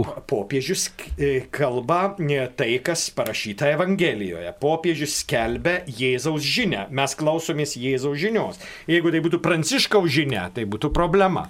Mes negalėtume jos klausytis, bet tiek, kiek popiežius, vyskupai ir kunigai yra Evangelijos žinios nešėjai, tiek mes turim tą pačią žinę. Nes ta pati žinia atėjo per žmonės. Matą Morkų, Luką Joną, Paulių, e, Jokūbą, e, Petrą. Štai šita žinia atėjo per juos, šiandien lygiai taip pat eina. Ta pati Jėzaus žinia, kurią Jėzus tada pasakė, šiandien ateina pačiais įvairiausiais būdais. E, per popiežių Pranciškų, per vyskupą Lionginą, per vyskupą Kestutį, per vyskupą Gintarą. Štai ateina ta pati žinia, Jėzaus žinia, kaip kažkada per Paulių, kažkada per... per Jėzaus istorija tęsiasi. Jėzaus istorija nesustojo tada prieš 2000 metų. 2000 metų bažnyčios istorija liudija, kad Jėzaus istorija eina toliau. Ji šiandien 21 amžiuje yra palaikoma taip, kaip buvo palaikoma tada. Tai nėra kažkokia kita žinia arba kitos žinios e, autoriai, e, popiežius ar vyskupai ar kunigai. Tai ta pati žinia. Ir lygiai taip pat tą, patį, tą pačią žinią perduoda e, ponai, pastoriai, jeigu taip vadinasi, laisvųjų krikščionių bendruomenėse. Tai mm, kaip čia pasakyti, jie, jūs turite taip pat, e, mėlyjeji e, laisvieji krikščionys, savo vyresniuosius, kuriuos mes graikiškai vadinam presbiterojai, lietuviškai kunigai, lygiai taip pat mes gyvenam. Jokia bendruomenė negali būti be struktūros. Tai elementariausias antropologinis e, e, dalykas. Tai reiškia, jeigu yra bendruomenė, turi būti struktūra. Nu tai štai katalikai turi struktūrą. Popiežius, vyskupai, kunigai, diakonai. Štai struktūra. E, laisvųjų krikščionių bendruomeniai turi, nežinau, vyresniuosius išdininkus valytojas. Štai dar nauja struktūra. Aš nežinau, kai ar taip yra. Dar vienas dalykas yra, ką mes katalikai labai branginam, tai yra paštalinė sukcesija, kad nuo apaštalų laikų štai karta iš kartos yra rankų uždėjimu perduodama gale ir, ir mes tai branginame. Taip, e, mums paskambino. Gražina iš Vilniaus. Taip, gražina, klauskite. Labą dieną. Labą dieną. E, turiu klausimą iš šventojo rašto apie sūnų palaidūną. Taip. Man, jūs gal man kažką daugiau paaiškinsit, nes esat labiau išsilavinę. Vat, e, e, kada e, sūnus jau grįžo pas tėvą, jie ten e, sukvietė muzikantus, papjovė veršį, o paskui tas kitas sūnus grįžęs jau visą tai rado. Tai man toks klausimas, o kodėl jie pirmiau nenubėgo pas tą vyriausiai sūnų, o spėjo net muzikantus sukviesti, spėjo netgi e, papjauti, tik tada jau tas sūnus grįžo iš darbo. Ir dar prie to klausimas. Ir paskui jam tėvas atsako, tai aš turiu švęsti, atsėt jis buvo miręs, o dabar jau gyvas. O kodėl jis neatsakė, aš noriu švęsti? Kaip tai jis turi švęsti, o ne, a, gali atsakyti, aš noriu švęsti, o jis turi švęsti. Taip, labai ačiū šitą e, palyginimą, kuris yra labai gražus Luko Evangelijos 15 skyriuje. E, Sūnaus palaidūno palyginimas arba kitaip kiti sako gailestingojo tėvo palyginimas. Tai kaip galėtume pakomentuoti? Dėl, dėl nepakvietimo laikų vyresnio, vyresniojo sūnaus. Tai, e, žinote, e, Senajame testamente yra daugybė tokių, e, tokių momentų, kaip pavyzdžiui, broliai gano avis kažkur. Toli. Reiškia, toli eik, ieškok jų sūnau. Ir, ir pasakojame, trijų, po trijų dienų pamatė. Reiškia, tai Žinote, tas šiandien tai mes čia galime telefonu paskambinti ar panašiai, žinai. O gal ir pakvietė, atsiprašant, e, kodėl jis grįžo namo. Todėl, kad pakvietė, bet tiek užtruko. O šventai nelaukia. Jeigu šventai reikia ją švesti, e, tai, tai e, gali papulti į šventę, bet gali ir nenorėti švesti. Mes, mes labai dažnai esame arba per daug rimti, arba per daug nuobodus. Mes sakom, na, kokia čia šventė, nu kas čia per šventė. Tai mes nenorim pasidalinti kito džiaugsmu. Štai kur didžioji problema. Ir, ir mes, maimros, kaip e, rusai sakytų, reiškia, mes iš tikrųjų tokie esam, ne, nepajėgiam džiaugtis kito džiaugsmu. Apaštalo Pauliaus kvietimas. Džiaukitės su besidžiaugiančiais, liūdėkite su liūdinčiais. Tai yra labai reikšminga. Mokėti džiaugtis kartu su kitais. O šitas vyresnėlis nenorėjo džiaugtis, jis turbūt ir ilgai užtruko, nes ten stovėjo, nenorėjo eiti namo, pastebi e, ponas. e, Lukas rašydamas šitą Jėzaus palyginimą. Nežinau, čia tik tai aš interpretuoju ir dar šiek tiek e, humoristiškai turbūt, bet, bet čia, čia štai negalvokim, kad tas gailestingasis tėvas nemyli savo, savo vyresnėlio. Jis jį myli. Tik jis turi du sūnus, abu nie, niekingus. Abu nenorinčius būti sūnumis. E, Jaunesnėlis e, iš viso nenori su, su tėvu nieko bendro turėti. Jis ką tėvui pasako, atiduok man priklausančią palikimo dalį. Tėvai, tu man miręs. Štai ką pasakė, e, štai ką pasakė sūnus tiesiai spjaudamas į veidą tėvui. Tu man miręs. Atiduok, kas priklauso, aš išeinu. Aš nieko bendro su tavim nenoriu turėti. Viskas. Atsiskaitę. Gatava. Todėl, todėl tėvas konstatuoja, jis buvo miręs ir prisikėlė. Buvo pražuvęs ir atsirado. Nes taip sūnus pats padarė, jis iškeliavo. Štai, štai, tė, o tėvas pasirodo savo, savo vaiko laukia. Ir dar jokingiau, nepriekaištauja. Ir dar kitaip, jis nori džiaugtis, kad sūnus yra. Jis nesako, kodėl buvai išėjęs, na dabar jau, jau per vėlų, kai labai dažnai šitaip sakoma. Reiškia, Tai šitas tėvas, jis, jis, turi, jis yra meilė. Meilė, kuri nemasto apie save. E, Reiškia, meilė, kuri mato tave. Meilė, kuri laukia tavęs. Reiškia, dieviškoji meilė, jinai neturi egoistinių priemaišų, kurių visi mes turim. Mūsų meilė visų yra egoistiška. Ir, ir, tai, ir tai trukdo mums iš tikrųjų būti panašiais į Dievą.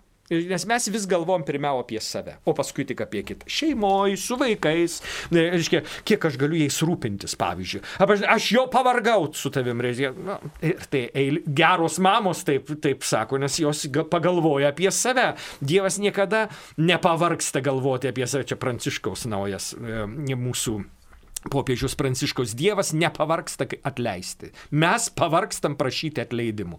Tai, tai va čia, čia turbūt, e, žinote, jūs nemanykite, gerbiamoji, e, kad jūs esate mažiau įsilavinusi e, skaityti šitą e, palyginimą. Svarbu jūs skaitykite, svarbu jūs mąstykite, jūs pati galite surasti įvairiausių atsakymų. Pačiame tekste nereikia galvoti kažkur kitur. Tekste yra viskas pasakyta ir, ir jūs galite dar giliau e, e, šitą, šitą tekstą suvokti, mąstydama, e, kontempliuodama, pasinaudodama e, Ignaco Lojolos arba, arba jėzuitų pasiūlymais, kaip, kaip įsimastyti, įeiti į vidų, būti ten, matyti, užuosti kvapus, pamatyti drabužius, pamatyti nuotaiką, štai persimti tą pačią nuotaiką. Jūs galite pačiais įvairiausiais būdais būti šitos Evangelijos palyginimo, e, palygini, e, palyginimo viduje. Ir dar geriau už išprususius suvokti, ką, kas, kas visą tai nori pasakyti. Mes nenurašykim savo gebėjimo įeiti. Popiežius Benediktas XVI priminė netikėtai mums visiems. Kiekvienas pakrikštytasis turi sensus fidei. Tai yra šventosios dvasios dovanojama tikėjimo jausmą. Ir gali nujausti teisingai. Nebūtinai, kad turi kiekvienas patvirtinti, kad aš čia teisingai mąstau ar neteisingai. Palauk. Jeigu tu esi atviras šventosios dvasios įkvėpimas, tu gali pajusti e, tą patį pirmą pradį Jėzaus e, žodžio reikšmingumą, kuris dabar čia mums pateiktas jau per Luko šiuo atveju, e, e, reiškia, prizmę. O tu gali net pajusti tai, ką Jėzus iš tikrųjų norėjo pasakyti. Štai ką reiškia kontempliavimas. Tai nėra tik tai apmastyti kažką, bet įeiti į vidų ir suvokti tą Jėzaus širdies plakimą ir tą dievišką žvilgsnį į nusidėjėlį, dieviškai žvilgsnį į e, pseudo teisuolį sūnų, kuris visada su tėvu, bet pasirodo laiko save tik tarnu, o ne sūnumi. Štai kur didžiausia problema. Vienas tai paliko tiesiai šviesiai, pasakė, o kitas užsisklendęs mąstė, koks tas tėvas blogas, koks tas tėvas netikęs, kaip jis man visko pavydė. O tai sūnus, kuris iš jų geresnis? Tas tėvas vargšas, bet tai yra turbūt Dievas. 32 eilutė jūsų pacituota žodis reikėjo, reikėjo potauti ir linksmintis. Tai reiškia, kad e, tokia Dievo valia, toks Dievo planas švesti ir džiaugtis nusidėlio sugrįžimu. Mm, tai Dievas taip nori ir tas gailestingasis tėvas, tai būtent Dievo įvaizdis, kuris ne tai, kad nori, užsigeidė, bet e, na, tokia Dievo, reiškia, yra strategija, toks veikimo e, planas, tokia kryptis, džiaugtis tuo, kuris grįžta vyksta ir, ir tai yra mm, ne tik tai noras, užgaida, bet tai tokia meilės kryptis, taip meilė veikia. Kitaip negaliu. Čia tas. Taip. Mums paskambino. Algis iš Kauno. Taip, Algi, klauskite. Garbai Jėzui Kristui. Per amžius. Aš esu augęs prie pat soboro ir į soborą ateidavo tankiai mišioms. Tuos mišės buvo labai iškilmingos, tikrai, kad labai gerą įspūdį yra padarė. Svarbiausia, kad kaip jau pasibaigė mišios, tai lankytojus palydį su melodija Ave Marija, tai išeini, kaip sakant, tokia su pakelia nuotika, taip širdyje gera. Sakykite, kodėl dabar šitos tradicijos yra atsisakyta ir pereita prie kitų standartų. Ačiū Jums labai už atsakymą. Jūs palėtėte liturgijos režisūros e, klausimą. Ar e, ne visi yra netgi turbūt girdėję. E, taip kaip teatre, taip kaip kokiuose nors renginiuose, taip ir liturgijoje yra privaloma režisūra. Ir, Ir kartais jį šlubuoja, kartais visiškai palikta viskas saveigai, e, kartais net nesuderinama, nei kas bus gėdama, nei, nei, nei kas bus grojama. E, tai yra problema, kurią, kurią mes turim bendruomenėse. Ir, ir, ir, ir, ir ar soboras, ar katedra, žinote, visur, visur kitokie kunigai dirba, bet, bet tie patys žmonės. Tai gaila, kad, kad mes neskiriam dėmesio šitai režisūrai. E, ji galėtų galėtų iš tikrųjų pakylėti mūsų ir kultūrą, ir dvasę, ir nuotaiką. E, matote, tai tada, kai viskas vyksta savijaigoj, e, tada, tada būna toks neskanus kartais pojūtis. Ir jeigu viskas surežisuota, tai būdavo kažkada sakoma tvarka kaip bažnyčia. Na šiandien tokio žodžio negali pasakyti. Ne, nežinau kodėl. Reiškia, aš visada žinojau nuo vaikystės tvarka kaip bažnyčia.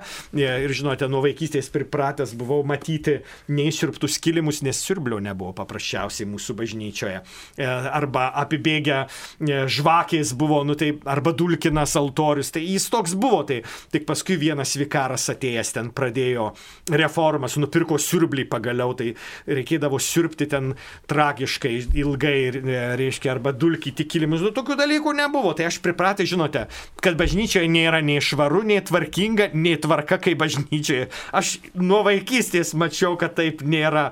Reiškia, tai, tai manęs nestebina tie dalykai. Bet visgi buvo tas tvarka kaip bažnyčioje. Tai tik linkėkim vieni kitiem, kad, kad tokia tvarka būtų. Ir tai priklauso ne tik nuo kunigų, tai priklauso ir nuo pačios bendruomenės, kuri galėtų su taktu ar su su dėmesingumu pasisiūlyti, aš galiu patarnauti štai kaip, aš galiu čia padėti, aš galiu štai čia e, pasižiūrėti, gal, gal, gal reikėtų mano pagalbos. Tai, tai e, siūlau, kviečiu, raginu, maldauju e, iš tikrųjų prisidėti prie to, kad bažnyčioje būtų kitaip, kad bažnyčioje būtų gražiau, kad bažnyčioje būtų šviesiau. Kitaip sakant, klebonui lipti ant kulnų. O taip, ir tai būtų visai sveika. Aišku, pradžioj muistysis, ne, nes nepatiks, ypač jeigu busite nemandagus lup, lipikai ant kulnų, tai, tai tada įvyks konfliktas, bet jeigu su, su taktu, su kantrybė, su, su pagarba, o kaip galima nuversti kalnus. Jėzus sako, kalnus kilnoti. Taip, mums paskambino.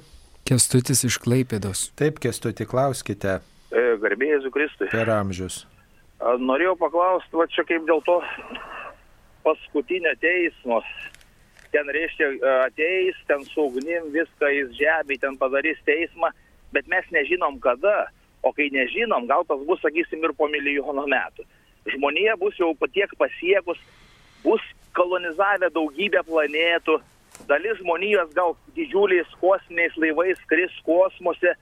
Tai ar, ar tasai, kur darys tą teismą Jėzus, ar jisai, ar jis, kiek, pavyzdžiui, vienoje planetai pasidarys paskutinį teismą, paskiau kitoje seka, ar jisai visus subur, surinks į vieną krūvą ir darys tą teismą. Bet jeigu surinks, tai žemė jau bus per maža. Tai čia vienas klausimas, o kitą klausimą norėjau, reiškia, būna tokia laida, mes labai su žmona klausom kūno teologiją pirmadieniais. Ir ten kažkaip šneka apie kontracepciją, kad negerai, bet kai norėjau, vat man, bet nesupratau, reiškia negerai apsisaugot, bet mes su žmona, kai būna vaisingos dienos, tai mes varom tada tą oralinį, analinį arba šambambos nuleidžiu. O tai ar čia yra kontracepcija, ar čia katalikiškas apsisaugojimas? Taip, supratom, ačiū. O jūs esate ne tik tai atviras pasakoti savo savo lytinį gyvenimą, bet dar ir fantastas. Tai, tai visai faina. Aš nemėgstu fantastinių knygų ir romanų, neskaitau, tai čia yra truputėlį kitas dalykas. E, Tai e, dėl paskutinio teismo. e, Maišom keletą dalykų. Amžinybę ir laiką. Tai jeigu yra laikas, tai yra kita perspektyva amžinybė. Ir Dievas yra amžinybės. E, Viena diena pas viešpatį kaip tūkstantis metų ir tūkstantis metų kaip viena diena. Reiškia, pas Dievą viskas yra dabar. Reiškia, pasaulio teismas vyksta dabar pas Dievą. Mums tai jisai įvyks tada, kai, kai įvyks. Dabar kaip įvyks pasaulio pabaiga, mūsų tradiciškai sakom, arba antrasis Jėzaus sugrįžimas, arba parūzija, e, reiškia graikiškai įvardinama e, atbaigimas pasaulio. Mes nežinom kaip. Mes nežinom tai, ką Dievas mu- mums yra paruošęs. Labai keistas posakis. Ko akis neregėjo, ko ausis negirdėjo, kad žmogui į galvą netėjo, tai Dievas paruošė tiems, kurie jį myli. Reiškia, tai yra kažkas gražaus, kažkas ypatingo, kažkas šviesaus. Štai kas mūsų laukia. Tai kai mes norim fantazuoti, tai kodėl mes fantazuojam apie tai, kad e, sudegs e, ir taip yra Biblijoje parašyta. Bet fantazuokim apie tai, kaip viskas bus išvystyta, kaip viskas bus atbaigta, kaip, kaip šita kūryba bus apvainikuota kažkokios tai, kažkokios tai jėgos. Ne jau Dievas viską kūrė, kad viskas būtų sunaikinta. Mes va taip mąstykime, pozityviai žiūrėkime į, į šitą perspektyvą. Tai pasaulio teismas e, ir, ir pavyzdžiui, kodėl susirinks visi šitoj žemėje, ar ne? Mes, mes nežinom, ar, ar kitose planetose nėra gyvybės. Šiandien Marsą pajuto, e, pradedam tyrinėti ir sako, o atrodo buvo vandens. Reiškia, galėjo būti ir gyvybė, kažkodėl atšalo, kas ten atsitiko, kad, kad ta gyvybė dingo. Nes jeigu yra vandens, reiškia, galėjo būti gyvybė. O galbūt kitose planetose, o gal kitose galaktikose yra gyvybė, galbūt net panašiai į, į dvikojus tokius kaip, kaip žmonės. Ką mes žinom, mes visiškai nieko nežinom. Fantastai, kai kurie mato e, skraidančias lėkštes arba net pažintus skraidančius objektus, tai e, leiskim Dievui būti įvairesniam nei mums atrodo. Mes tos gamtos nepažįstam pilnai arba e, kažkas e, neseniai rodė per National Geographic, reiškia apie, apie vandenynų gelmes, kurios, kurio, kuriuose gyviai, kurių pas, dar neištirti visiškai, kurie gyvena čia pat mūsų žemėje. Tai kur kas plačiau ir giliau viskas yra, nei, nei, nei mums atrodo. Tai e, mes būsime, e, mes turėsime e, kūną, dvasinį kūną, kuris, kuris nėra šitas vargingas kūnas, bet bus garbingas kūnas, kuriam atrodo nereikės nei erdvės, bet ne, mes negyvensim nei laike.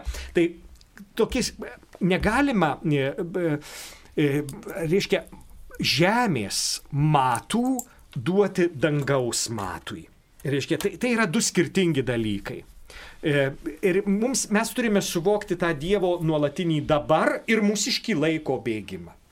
Dabar dėl lytinės kontraceptikos tai, tai labai paprasta yra kalbėti apie tiesą ir apie melą. Tai manau, kad, kad kalbant apie, apie lytinį santykį, tai lytinis santykis, lytinis aktas yra e, aukščiausia dviejų žmonių tarpusavio meilės išraiška.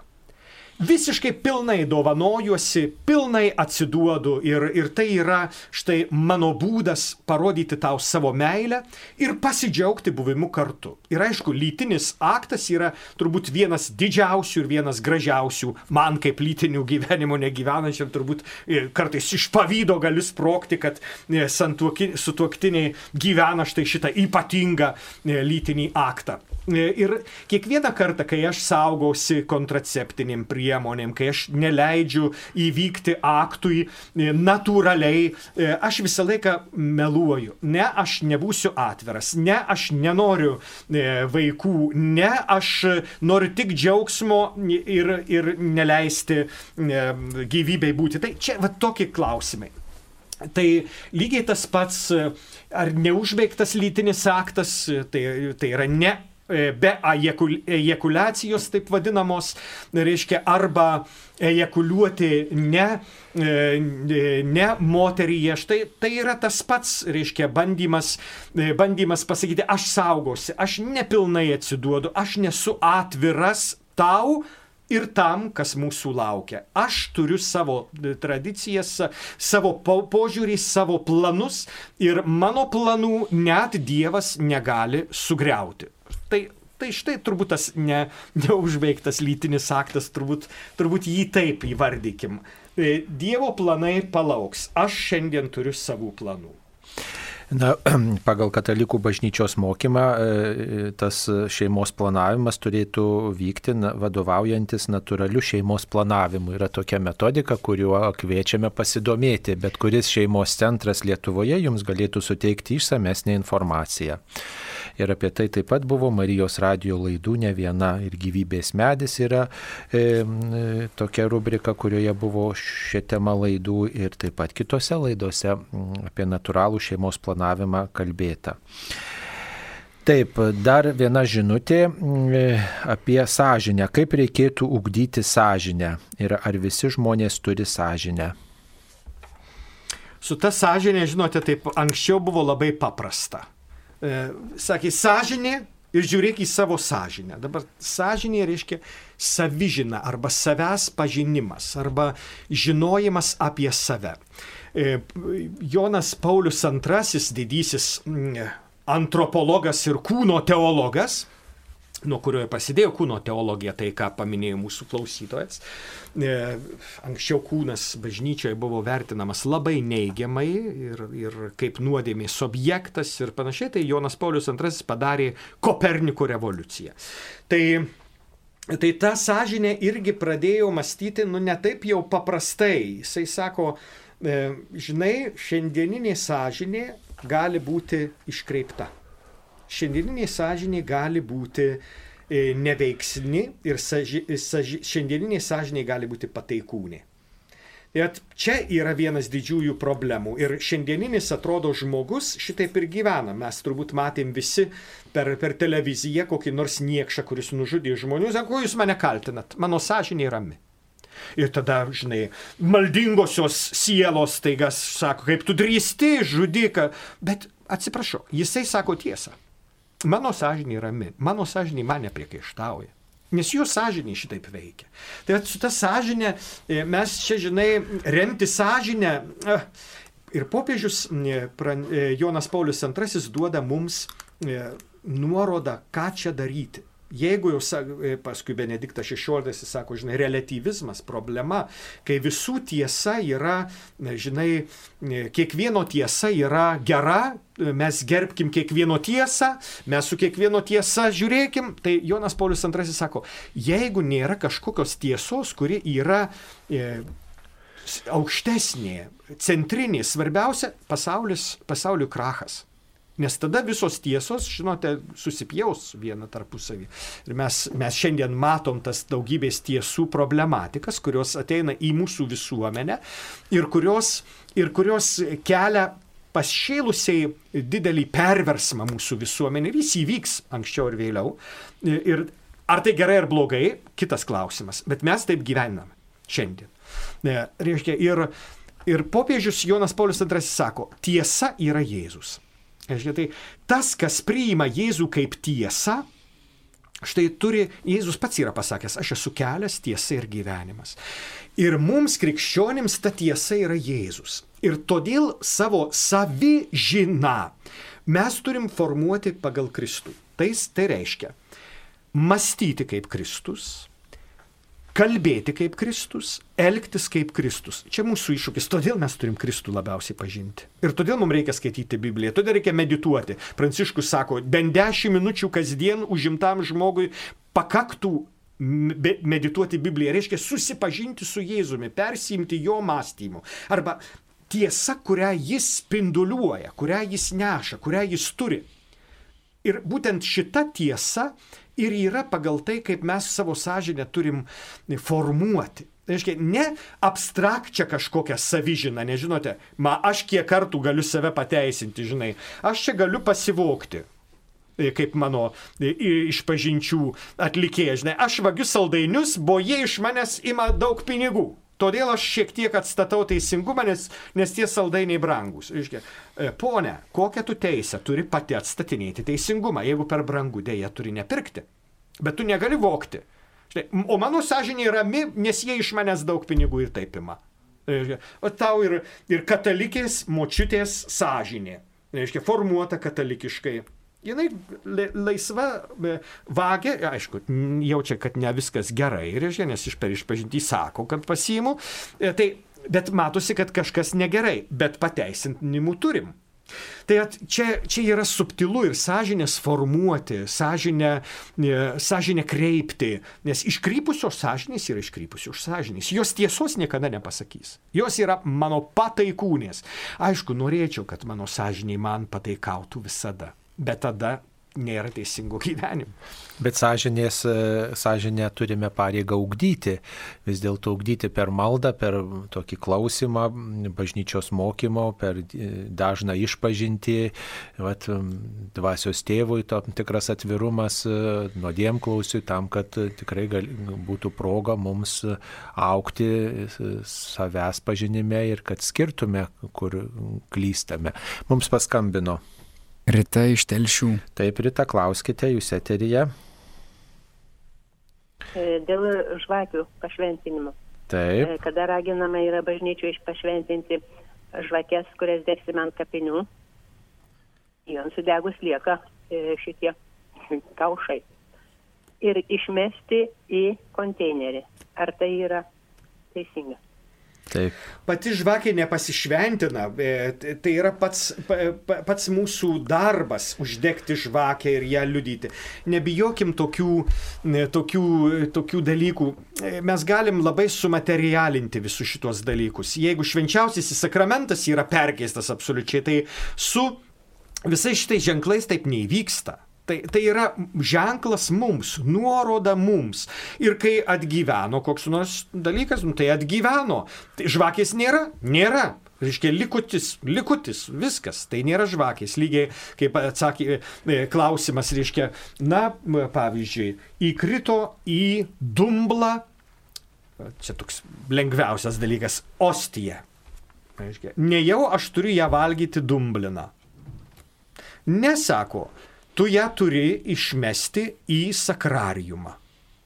Kaip pačią ostiją? Ne, sako. Tau reikia tai padaryti, kad duona prarastų formą. Kad duonos neliktų. Na, reiškia, ištirpdau e, vandenyje, duona prarado duonos formą ir tai jau ne švenčiausiasis sakramentas. Nes švenčiausiasis sakramentas yra duona ir vynas. Arba skiedžių, skiedžių vandeniu vyną pasidaro vanduo. Viskas, nėra švenčiausiojo sakramentų. Lygiai tas pats, e, tai čia jau su švenčiausiojo sakramentu. Dabar tie ženklai, kurie, jie turi būti pagarbiai arba, pavyzdžiui, su, sulūžo kryžius, jie atnaujinti. Jeigu neina atnaujinti, sudeginti. Jeigu neina sudeginti, užkasti pasiūlo. Na, kryžių išmė, kuris, kuris kaip, kaip sakom, yra nu, tikras ženklas, kuris. Bet kiti, kiti tie ženklai, jie nėra, nereikia vergauti daiktams ir nereikia vergauti ženklams. Atgyveno viskas. E, sunaudojau viskas. E, aš e, niekaip nepamiršiu buvimo Los Andželo parapijoje.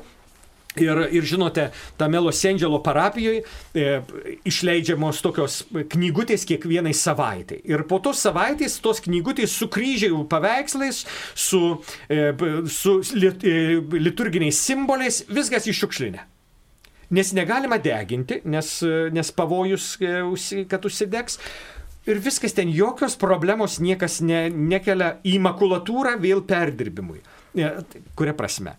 Štai jeigu tu žvakės likučius arba plastiką išmesi prie plastiko, bus gražu. Bet jeigu prie, prie maisto atliekų jau bus nepagarba žvakės, jeigu mes mokam rūšiuoti, jeigu mes tvarkingai sunaudotais dalykais disponuojam, viskas gražu, viskas tvarkinga. Štai ta ekologija, apie kurią čia ypatingai šiandien kalbame ir ne tik bažnyčioje, bet apskritai pasaulyje. Arba metalas, pavyzdžiui, kryžius metalinis. Aš į metalo laužą jį atiduodu. Viską aš tvarkingai padariau. Arba arba medinis, reiškia, medinė žvakidė. Aš išmetu prie medžio. Viskas tvarkingai, reiškia, rūšiuojama, reiškia, samoningai. Kas atgyveno, atgyveno. Jeigu kryžius, kryžiaus nėra kaip kryžiaus, jis ne kryžius. E, tai kas, kad buvo palaimintas. Netgi reikėtų nepamiršti, kad nešventinami visi tie dalykai, bet laiminama. Ir dar įdomiau, kad laiminami ne patys daiktai, bet žmonės, kurie naudosis šitais daiktais ir kad naudojantis šitais daiktais šitie žmonės patirtų dieviškąją e, palaimą. O dieviškoji palaima ne per daiktus, bet priešingai e, naudojame prisimindami dieviškąjį artumą, dieviškąjį šviesą, kaip žvakė. Diev... Kristus yra šviesa, tai ta žvakė yra ženklas Kristaus. Bet pačiame ženkle Kristaus tai nėra. Tik juo naudojantis jis yra Kristus. Taip, mums paskambino. Genė iš Vilniaus rajono. Taip, Genutė, klauskite, jūs eterėje per amžius. Aš norėjau paklausti, bet ar ne Jėzus Kristus mus nešiojo danguje ir Juozapą to pačiu, nes jisai buvo žodis danguje, o paskui žodis tapo kūnu. O kodėl, bet e, garbinamas Juozapas, nes aukščiau Jėzaus Kristaus nieko negalima pastatyti. Jisai mūsų atpirk, atpirkėjas, mūsų gelbėtojas Jėzus Kristus. Į mišką neisi įvairiais keliais, į mišką eini vienu keliu. Jeigu eisi keliais keliais, paklysi, paprasčiausiai netenuosi, taip ir tikėjime. Išgelbėjimas tik per Jėzų Kristų gelbėsimės. Amen, pritarėm. Taip, išgelbėjimas tik per Visai, Jėzų Kristų. Dabar ypatingai buvo tam, tikra, tam tikri bažnyčios sluoksniai, e, norėjo, kad popiežius Pranciškus paskelbtų naują dogmą. Ir ta nauja dogma skambėtų maždaug taip. Marija E, atpirkimo bendra autorė. Bendra atpirkėja. Bendra atpirkėja, reiškia kartu su Kristumi. Ir popiežius sako, ne, ne, ne, vienintelis atpirkėjas yra Kristus. Viskas. Marija yra labai reikšminga, Juozapas labai reikšmingas Jėzaus gyvenimo įvykyje. Juozapas yra ne, tas, kuris leido Jėzui gimti. Nes jeigu Juozapas nebūtų prieėmęs neiščios sužadėtinės, Marija greičiausiai būtų buvusi užmušta akmenimis pamaldžių neliežuvių, o akmenų. Tai, tai Juozapas padarė, gali, padėjo Jėzui gimti ir paskui išauklėjo, užaugino. Juozapas visada buvo Jėzaus tėvų. Natūraliu, e, teisišku, e, visada, kas sakydavo, jis Juozapo sūnus. Dailidės sūnus. Štai, štai e, Juozapas yra labai reikšmingas. Dabar nepamirškim labai svarbaus dalyko, kad Jėzus yra garbinamas, mergelė Marija ir Juozapas gerbiami. Tai skirtingi, skirtingi kultai. Ir mes skirtingai net pareiškime. Reiškia, šventieji yra gerbiami. Jėzus yra garbinamas ir šventoji dvasia garbinama ir Dievas tėvas yra garbinamas. Visi šventieji yra tik gerbiami, jų garbinti negalima. Tas, kuris garbina šventuosius, nusikalsta Dievui vienam, e, Dievo vienumui. Neturėjo kitų dievų, tik mane vieną. Bet visi šventieji yra gerbiami. Marija turi ypatingą vietą e, krikščionių pagarboj. E, Geriausia turbūt išreikštų e, ik- ikonos ortodoksų, ne, negražu taip sakyti, rytietiškos ikonos e, e, teologija. E, Jūs atkreipėte dėmesį, kad ikonos yra užrašytos, taip reikia sakyti, e, su tam tikrais nuostatais, tam tikrom tam tikrais kanonais. Akys spe, specifinės, e, skruostai specifiniai, lūpos specifinės, e, smakras specifinis, kakta specifinė, e, plaukai specifiniai. Ir štai mes matom ikoną. Visos ikonos yra e, visos ikonos, ar tai bus e, Marijos, ar Šventojo Arkangelo Mykolo, visos turi Jėzaus veidą. Reiškia, kiekviename šventajame atsispindi Jėzaus veido bruožai. Reiškia, kiekvienas šventasis savaip įkūnijo Jėzų. Mes turim himną, antifoną labai gražią. Tu, kuri pagimdėjai savo kūrėją. Marijai, e, antifona. Reiškia, Marija pagimdo savo kūrėją. Tai, ką jūs pradžioje ir sakėt, kad žodis nešiojo. E, Matote, tas žodis logos yra dar daugiau. Pasirodo, logos nėra žodis. Logos yra idėja pagal kurią viskas sukurta, pagal kurią viskas atsirado. Tai reiškia, kaip, kai žmogų kūrė Dievas, jis žiūrėjo į logos.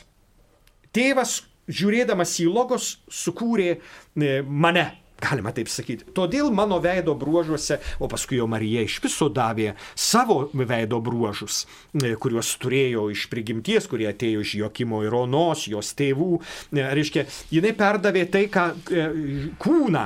Ir, ir štai tie veido bruožai jie yra. Tai mes gerbdami Juozapą ir dar turim dar daugiau Juozapo metus, kai įsižiūrim į tą niekada žodžio nepasakusį žmogų, kiek jis gali mums pasakyti žodžio netarė žmogus, o kalba visus metus. E, Štai, štai tau ir, ir, ir Juozapas nė- nėra toks reikšmingas ar panašiai. Bet e, Marijos vienas didžiųjų tokių titulų yra Hodigitrija, kelio rodytoja. Ir jinai rodo į Jėzų.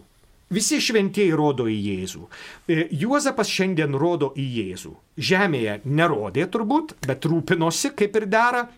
Bet Marija rodo šiandien į Jėzų ir Juozapas rodo į Jėzų, į mano sūnų, į, mano, e, į tą, kurį išauklėjau kaip namų statybininką. Jis žino, kaip statyti namus. E, Reiškia, e, štai Juozapo žodis tau. Aš jį išauklėjau, jis moka pastatyti namą. Žmogau, nebijok. Mano Jėzus mokės tavo namus sukurti gražius ir tokius, kad juose būtų gera gyventi. Štai Juozapo raginimą. Bet jo negalima garbinti šiukštų, tai yra nuodėmė.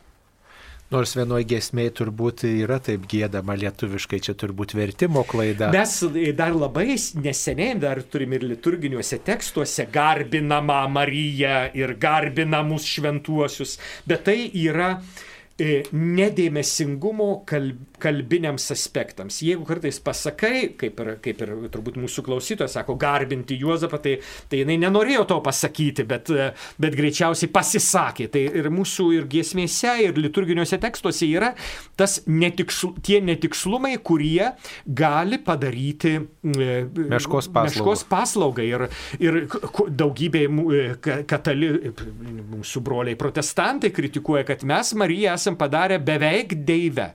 Ir tai nusikaltimas yra e, Dievo vien, vienumui, e, vienam Dievui, reiškia, ir ta Marijos kultas kartais e, turi tokių priemaišų, kurios yra žalingos pačiam Marijos kultui arba pagarbai Marijai, nes kiti žiūrėdami jie, jie atmeta būtent šitą ypatingą moterį, e, tai, bet, bet jie atmeta ją ne dėl jos, o dėl mūsų perlenkimų, dėl mūsų stabmeldžiavimo, kurie, kurie yra labai pavojingi ir mes turime irgi pasverti savo sąžinę. Ar iš tikrųjų Dievas, ar Dievo vietos e, neužima kiti, e, tai tegul ir šventieji. Mūsų tikėjime dar pridėkime, mūsų, Mūsų tikėjime. Jie, jie savo gyvenimu tai visada rodo į Dievą, bet kartais mūsų tikėjimas nėra galbūt toks, koks turėtų būti. Na ir pabaigai klausimas apie viltį, kaip galėtume apibrėžti, kas yra viltis.